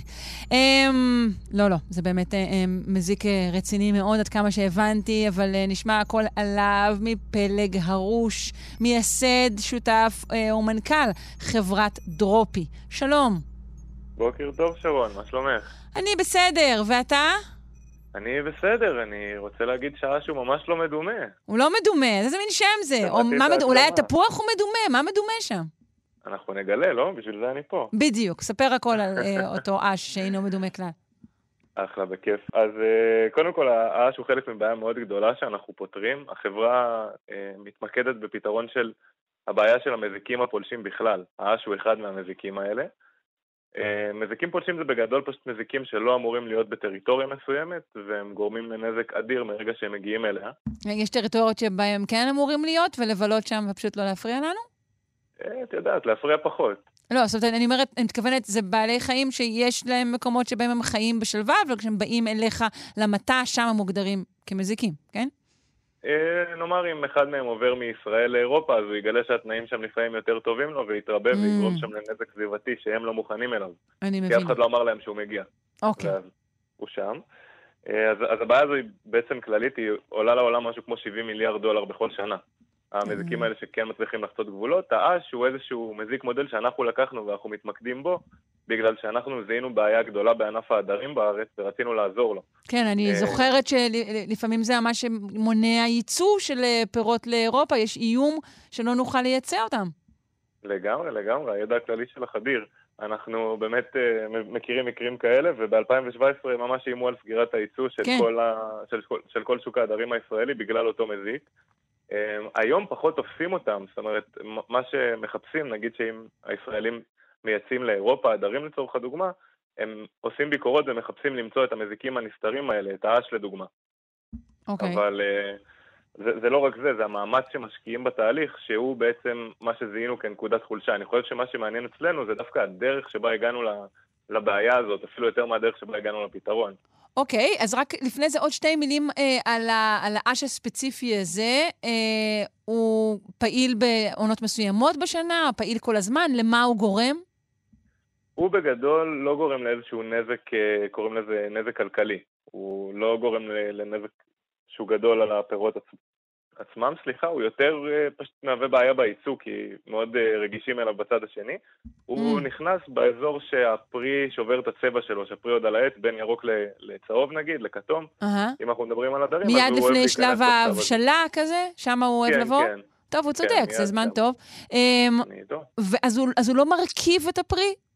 הוא מרכיב את הפרי מבפנים, אבל זה פחות uh, גורם לבעיה, כי זה פירות בודדים. העניין הוא שאם תופסים פרי בודד אחד בחו"ל שיש בו את המזיק הזה, אז זה לא משנה אם הוא רקוב, משנה שתפסו את המזיק הזה. והם לא, לא רוצים את המזיק הזה אצלם, uh, וגם את זה צורה. אפשר להבין. אוקיי, אז בוא, בוא תספר את הסיפור המעניין באמת של איתור הבעיה והעבודה שלכם. אחלה, מדהים. אז אני, ברשותך, שלוש מילים על עצמי, או כמה מילים, אני לא מתחייב לשלוש. אבל uh, אני מקריית שמונה, כשאני השתחררתי מהצבא, אני החלטתי לפתוח את החברה הזאת, עשיתי עם עצמי חושבים של מה אני רוצה לעשות, והגעתי למודל של חברת סטארט-אפ, שנראה לי מרתק בטירוף, חברה שגדלה מאוד מהר, uh, ובהזדמנות לעשות השפעה אמיתית על העולם, גם בקבוע זמן יחסית קצר, mm-hmm. uh, והחלטתי להתמקד בחקלאות. עכשיו, בתור אחד שגדל בקריית שמונה, שהכי קרוב לחקלאות, אני תמיד אומר, היה עציץ נן על המזגן של אימא שלי. כן, אבל אתם מוקפים שם בשדות וכרמים. אנחנו מסביב. מוקפים, אנחנו מוקפים. אני, אני יותר מוקף בבניינים, איפה ש... okay. אוקיי. שגדלתי. אה, אז, אז לא הייתי ממש מחובר לעולם הזה, אבל ידעתי שיש בו הרבה בעיות וחוסר בטכנולוגיות. חקרתי קצת וראיתי שזה עולם שאני, שאני רוצה להיכנס אליו, ובאמת הסכימו לקבל אותי לחממה שנקראת אינובלי בעמק המעיינות. הבטחתי להם שאם הם מקבלים אותי, אני עוזב הכל ובא לגור שם. Mm. עכשיו אני גר פה ממש בשביל זה. והתחלתי לחפש בעיה. עכשיו, איך מחפשים בעיה? מתקשרים לחקלאים ושואלים אותם מה מפריע להם. אז זה יכול להיות תהליך uh, די מבדר גם, לפעמים אתה שומע מילים uh, קצת קשות, אתה מתקשר לבן אדם ושואל אותו, תגיד, מה הבעיה שלך? אתה יכול להתקל בכל מיני תגובות, ובסופו של דבר אתה מצליב כל מיני בעיות שאנשים סיפרו לך, והבעיה הזו הייתה בעיה אקוטית ש... ששמעתי מכל כך הרבה גורמים בכל הקשת. ואז הבנתי שיש פה בעיה גדולה, עשיתי מחקר שמגבה את זה, שהוא מספרי וכלכלי, ואחרי שהרבה אנשים אמרו לי שזו בעיה, באמת גיבשתי סביב זה צוות. שזה... כלומר, אתה עצמך, ללא ידע, אה, לא בחקלאות, לא בביולוגי, נכון? אני לא, אני לא טועה. אתה בעצם דבר. אומר, אני יזם, אני מזהה מקום ותחום שיש בו בעיה, שהכי הרבה אנשים, לפי מה ששאלתי, סובלים ממנה, ואז אתה מגייס צוות של, של מוחות. אתה המנוע. בדיוק. אוקיי. בדיוק. אני, אני רק זה שמצא את הבעיה. Okay. אוקיי. ורוצה למצוא לה פתרון ויודע להניע את כל התהליך קדימה, בתקווה יודע כמו שצריך להניע יפה. אותו קדימה. יפה, הכל נכון חוץ מהמילה רק, כי אנשים כמוך בהחלט נחוצים. תודה רבה. אמ, אז באמת גיבשתי צוות סביב זה, הבאתי דוקטור לאגרונומיה, שזה בעצם דוקטור לחקלאות במילים אחרות, דוקטורית למדעי המוח עם התמחות בכימיה, שמה שאנחנו, שהפתרון mm-hmm. שלנו בא מעולם הכימיה, ומהנדס תוכנה. אמ, זה, זה כשלעצמו היה מטורף, כי זה חבר'ה שהם אה, מוכשרים מאוד ועובדים ובעלי משפחות, ואתה צריך לגרום להם איכשהו כן, אמרו, טוב, הבחור הצעיר ו... הזה נטול כל רקע, בטח, נלך לעבוד איתו עכשיו. כן, זה נשמע כמו הימור נכון. לגמרי. אז אני, אני מאוד מעריך אותם על, על ההימור הזה, ובאמת okay. אוקיי. ככה ישבנו ופיתחנו איזשהו צוות חשיבה והגענו לפתרון שהוא גם מעניין. Uh, הפתרון הוא עדיין uh, מוגבל מבחינת הקניין הרוחני, לכן אני יכול לפרט עליו גם רק קצת, אוקיי. Okay. uh, אבל אני אשמח לתת כמה מילים. כן, כן, אנחנו חייבים את הכמה מילים האלה.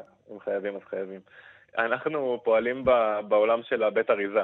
אנחנו לא פועלים בשדה, השדה זה המקום שמגדלים בו את כל התוצרת, אחרי זה קוטפים אותה ומעבירים אותה לבתי אריזה, שזה איזשהו מיני מפעל מקומי שממיינים בו כן, את כן. התוצרת כן. פעם אחרונה לפני משלוח.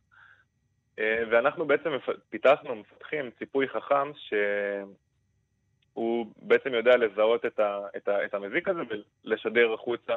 זיהיתי מזיק שאסור שיהיה פה, תוציאו אותו החוצה ברמת הפרי הבודד, וככה אנחנו בעצם רשת ביטחון. Uh, הפיתוח היה מאוד, מאוד מורכב, כי מאוד מורכב להביא משאבים לפרויקט כזה. אמ, בלי שבעצם יש לך כלום. אתה בא עם מסמכים, ואתה אומר, חבר'ה, תנו לי כסף, אני צריך לפתח את זה. רגע, רק שנייה עוד עם הפתרון, כלומר, זה לא פתרון של מניעה, אלא פתרון של אה, זיהוי ו- וסילוק.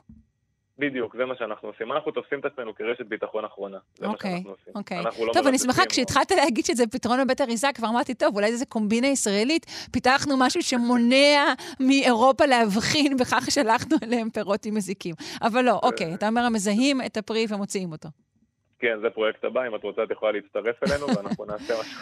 אה, תוכנית קומבינה.קום, אה, בסדר גמור.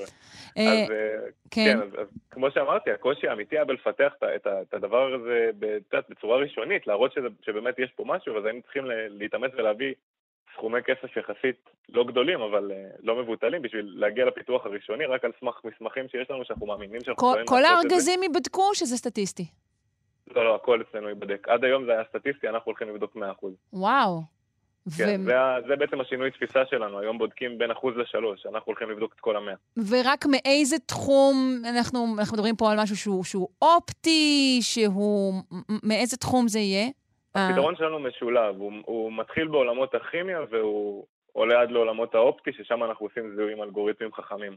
שאנחנו מפתחים, אה, פיתחנו אלגוריתם חכם יאללה. טוב, אז אנחנו צריכים לסכם אה, פחות או יותר באיזה שלב אתם? עכשיו אנחנו לקראת אה, גיוס, אנחנו התחלנו סבב גיוס ועכשיו אנחנו איפשהו בסוף הסבב, מגייסים כסף בשביל להביא את הפתרון לשוק. חברת דרופי, D-R-O-P-I. כן, אם, אם יחפשו את זה באינטרנט לא ימצאו, כי החברה במצב חמקן, אפשר לחפש אותי, פלג ארוש בלינקדין, ולהרגיש חופשי לפנות. פש, מעניין. אה, אני מודה לך מאוד, מאחלת לך אה, בהצלחה. אה, ותודה רבה ששוחחת איתנו. פלג ארוש, מייסד, שותף ומנכ"ל חברת דרופי. להתראות. ביי ביי.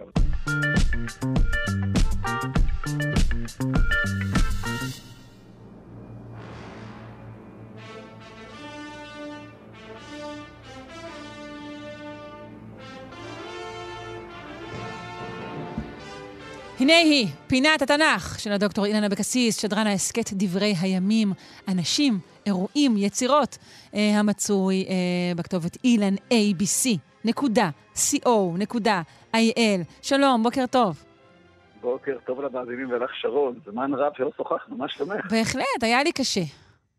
אוקיי, זה הדדי בהחלט, אבל בטרם הפינה אני רוצה לברך את תמר ששבה לאחר יהדות ממושכת. בהחלט. הייתה חסרה לנו. נכון. וכן, אכן היום נמשיך עם אשת שמשון. מדבר על תמר אה, בנימין, מפיקתנו האהובה, למי מהמאזינים שאולי תוהה.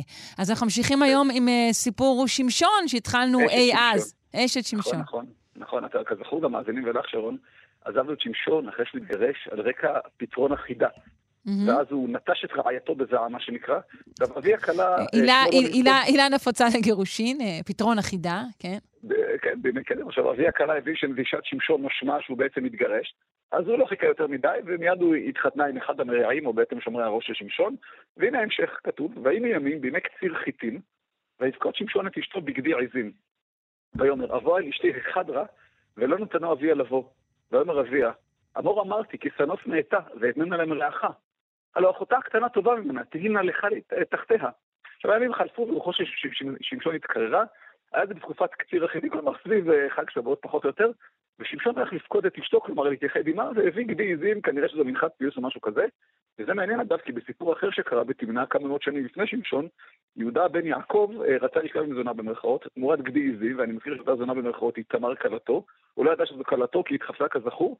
יש פה עניין של אה, אה, גדיים ויחסי מין, זה לא כל כך ברור מה קורה שם, אבל בואי נחזור לשמשון, אבל יש פה, שמשון מגיע וכולו עם הגדי ויש פה בעיה, היא כבר נשואה למישהו אחר.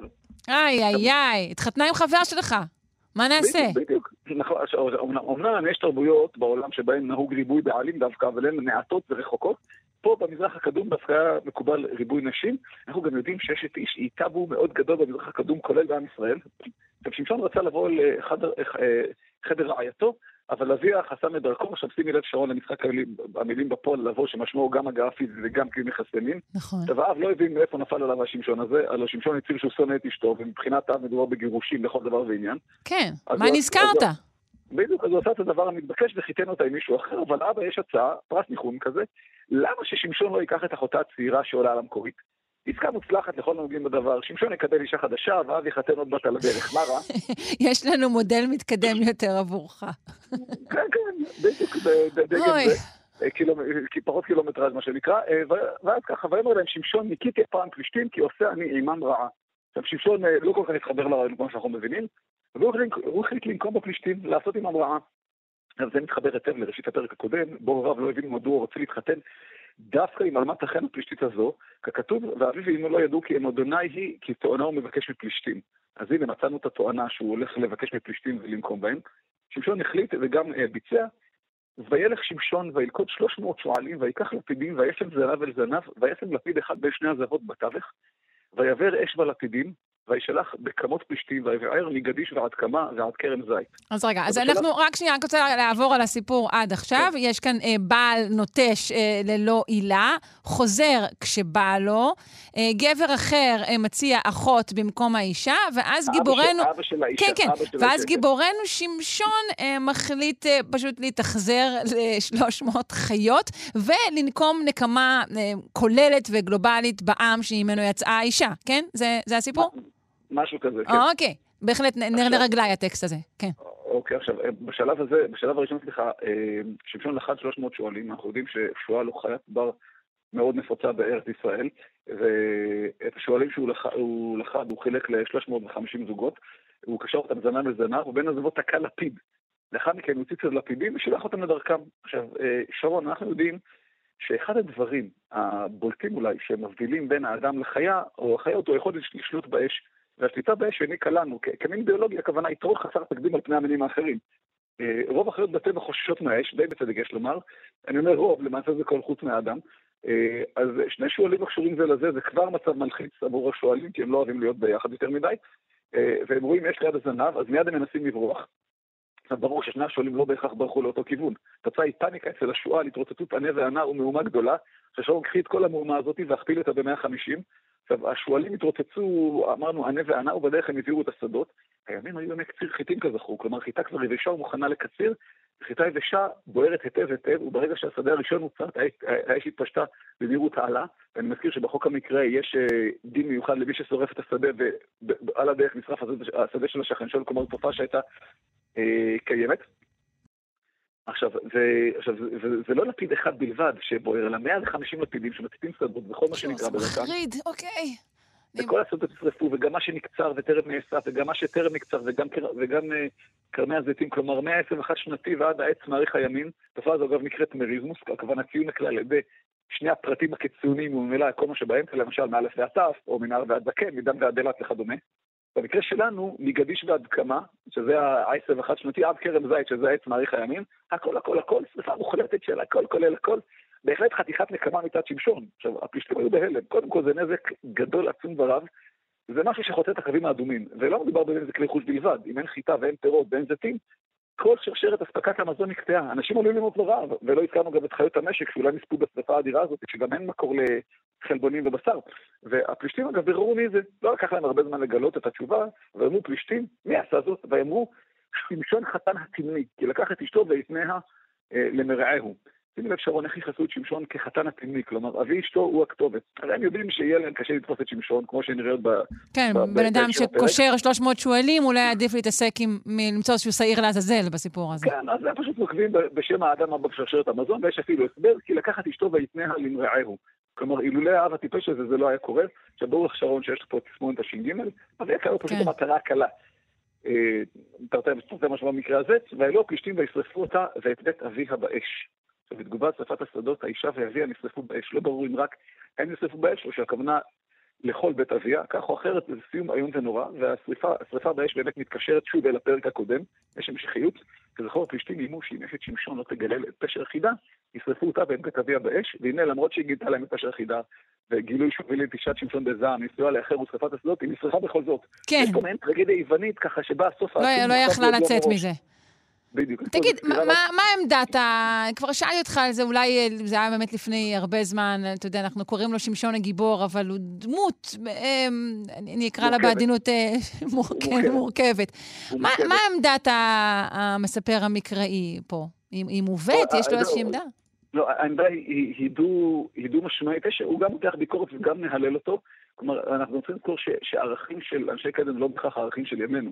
את אומרת, אה, השואלים המסכנים, נכון, לנו זה כואב, להם אה, זה פחות, יסתכלו על זה אחרת, או מה הוא עשה לפשטים, אוי ואבוי. כן, לא קשור למסכנים, יש פה הרבה מאוד אה, דמויות, בין אם, בין אם חיות, בחיות, בני אדם, אוכל, שדות, צמחים, כל זה שבעצם נשים על לא עוול בכפם רק בגלל שגאוותו של מאן דהוא נפגעה. נכון, אבל אני רוצה לומר שהיחס שלנו אל הסיפור הזה והיחס של הקדמונים הוא אחר. כלומר, הקדמונים ראו את זה משהו סוג של גזירת גורל, אה, תפיסה אלוהית, ככה מגיע להם, ככה, הם ראו את זה אחרת, עשו את זה אחרת, ואחד הדברים היפים והגדולתו של המספר המקראי באשר הוא, שהוא מציג דמויות מאוד מורכבות, והם גם פה וגם פה, אין אדם שהוא צדיק לחלוטין, בכל אחד יש איזה רבב דבק, רבב בהתנהגות שלו, כי זה אגב הסיבה שאנחנו יכולים להזדהות איתם, כי אדם מושלם הוא, הוא פלקט קרטון מבחינתנו, אבל דווקא בגלל האנושיות, הנה שמשון חטף את הקריזה ואת העצבים, ומי מאיתנו אף פעם לא התעצבן. נכון, אנחנו לא שורפים שדות ולא שועלים, אבל אנחנו יכולים להבין את הזעם הזה שמישהו שאתה נורא אוהב עובר למישהו אחר או משהו כזה, והיחס של המספר המקראי לשמשון הוא מורכב, כי שמשון הוא מורכבת, אין מה לעשות. כן. אה, טוב, יצאתי מכאן כן עם הביטוי הזה מגדיש ועד כמה, שלא מספיק משתמשים בו, אני אנסה כן. להחדיר אותו לשימוש יומיומי. כן, עכשיו הנה, בואו נסגור את הסיפור, ובסוף שמשון התרגש שהפלישתים שרפו את רעייתו לשעבר ואת אביה, היכה בהם מכה גדולה, הפלישתים דלקו אחריו, תרתי משמע במקרה הזה, ואנשי שבט יהודה הסגירו אותו, הוא השתחרר והיכה בהם שוב, הפעם בלחי חמור, והנה משפט הסיום, כך כתוב, בלחי חמור חמור חמורותיה, בלחי חמור הכיתי אלף איש, ככה כתוב. ופשוט החמור ככלי, לחי החמור ככלי קטלני, וכך בסוף בסדרה של פעולות, פעולות נקם ופעולות נקם, שמשון מצא את עצמו בסופו של דבר מנוכר עיניים ליד עמודי המקדש בעזה. אנחנו נחזור לסיום הסיפור שלו בשבוע הבא, או שזהו, נשאיר אותו ככה? אה, לא, יש את שמשון, נחזור, ניתן למאזינים לנוח משמשון ועלילותיו, כי באמת צריך לעכל את דמות מורכבת, ונחזור אליו בעתיד. שבוע הבא סיפור אחר. תודה רבה לך, דוקטור אילן אבקסיס, שדרן ההסכת דברי הימים, אנשים, אירועים, יצירות. תודה, להתראות. תודה לך ולמאזינים. ביי.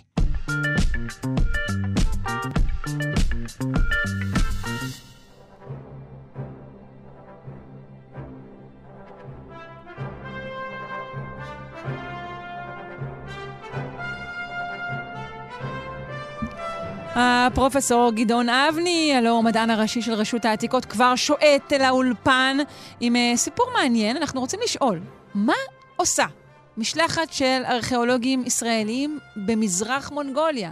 מה הם מחפשים שם? שלום. או, שלום, בוקר טוב. בוקר כן, אור. זה בדיוק שאלה מעניינת, כי ממש כשאנחנו יושבים פה ומדברים לנו uh, בארץ, כמעט בקצה השני של העולם, באחד המקומות הכי נידחים על פני כדור הארץ, אנחנו מדברים על מזרח מונגוליה, יושבת לה משלחת של ארכיאולוגים ישראלים בערבות הענקיות והאינסופיות של מונגוליה וחופרת.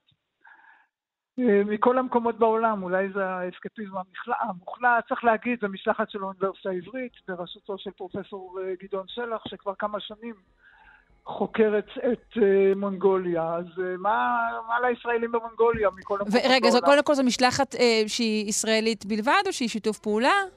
לא, היא שיתוף פעולה עם משלחת אמריקאית, עם אה, אה, משלחת של האקדמיה למדעים המונגולית, זה צוות בינלאומי, אבל מי שמוביל את השאלות האולי היותר מעניינות שמה, אלו הישראלים, ומי שהגיע לשם בעקבות השאלות הללו, זה דווקא אנחנו הישראלים. אוקיי, okay, אז מה הן השאלות? מה מחפשים? או, אז מה, מה מחפשים במקום הנידח הזה על גבול מונגוליה, רוסיה, סין? אחת התופעות המעניינות, שאין להן עדיין הסבר, וזאת באמת השאלה שמנסים לענות עליה, שבאזור הזה יש קווים מאוד מאוד ארוכים של חומות. מה זה ארוכים? אנחנו מדברים על מאות קילומטרים, 700 קילומטרים של חומה אחת, 1,500 קילומטרים של חומה אחרת. וואו. דברים שלא נתפסים במושגים שלנו. מי הקים את החומות האלו? או, רואים אותם מהאוויר בדרך כלל, וגם צריך, כשאנחנו מדברים על חומות, זה לא הצילומים של חומת סין אה, בנויה באבן ונישאת אה, למרחקים. היום אנחנו אה, מזהים את זה כאיזשהו קו רציף של בעצם חומת הבדמה ולפניה חפיר. הסיפור הזה לוקח אותנו בדיוק אלף שנים אחורה, לשושלת ליאו בסין, המאה ה-11 לספירה, ואחד התגליות של המשלחת הישראלית היא קודם כל התיארוך, כי עד היום לא בדיוק ידעו מי בכלל בנה את זה, למה לקשר את זה ברצף ההיסטורי. ופה אנחנו באמת מדברים על תקופה שהיא אה, משמעותית לא רק להיסטוריה של מונגוליה וסין, היא מאוד משמעותית להיסטוריה העולמית. אה, תקופה של שינוי אקלים, של אה, רצפים של שנות בצורת או שנים גשומות, קצת מזכיר את מה שאנחנו רואים ממש ממש בימים שלנו. ואחד האיומים על האימפריה הסינית היו שבטים של נוודים שהיו בערבות מצפון לסין ונכנסו מדי פעם אל תוך המרכז, אל המרכז האימפריאלי, וככל הנראה אנחנו מדברים פה על איזשהו מאמץ של השלטון המרכזי להגדיר את התחום שלהם, לקבוע איזשהו קו לאורך הערבה שאותו לא עוברים, כי מי שעובר אותו מסתבך, יש גם מתחמים אה, עגולים ומרובעים גדולים, שהם כנראה סוג של... אה, מעין מחנות, ערים או מחנות קבע שכאלה? מחנות אולי של צבא, ששמר uh-huh. על זה שוב, אנחנו מדברים על אזור מאוד מאוד נידח שהידע לגביו... זה כאילו מין שולי האימפריה, וצריך להקיף אותה בחומות כדי למנוע באמת משבטים אה, פראיים או מנוודים להיכנס פנימה, ומדי פעם יש, אתה אומר, מחנה צבאי שכנראה מפקח על העסק. כן, במרחקים קבועים יש סוג okay. של אוקיי. מחנות. אנחנו uh-huh. מדברים לא סתם על נוודים, אנחנו מדברים על ה...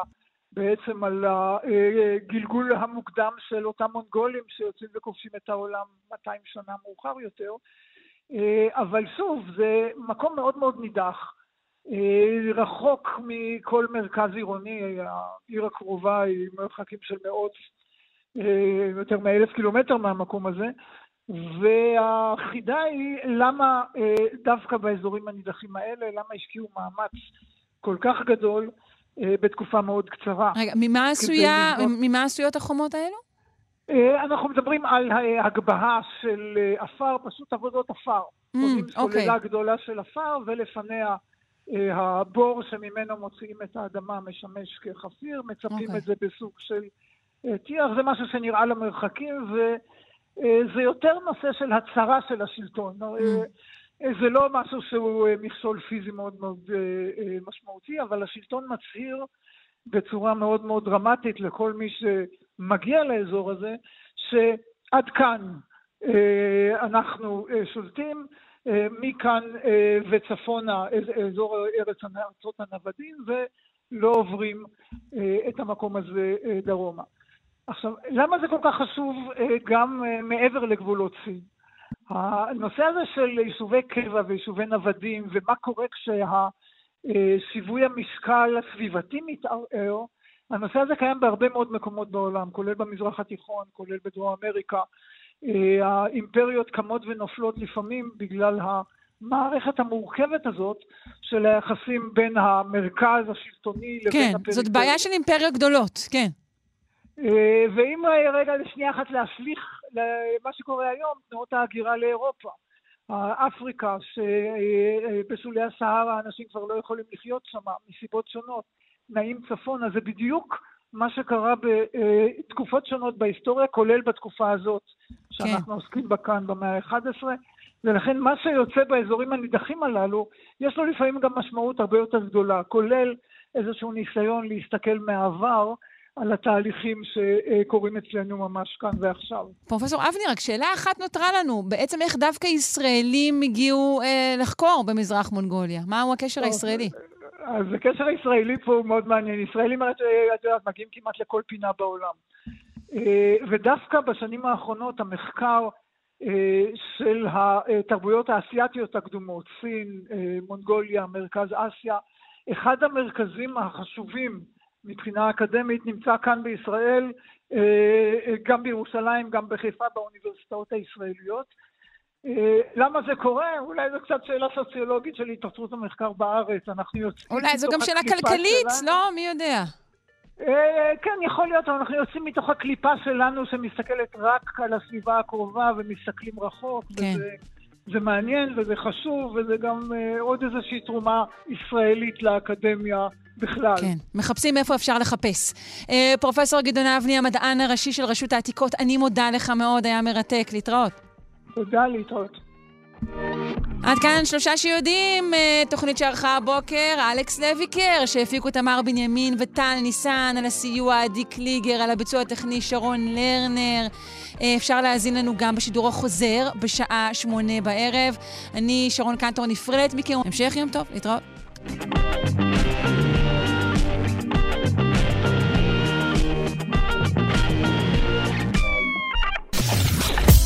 אתן מאזינות ואתם מאזינים לכאן הסכתים. כאן הסכתים, הפודקאסטים של תאגיד השידור הישראלי.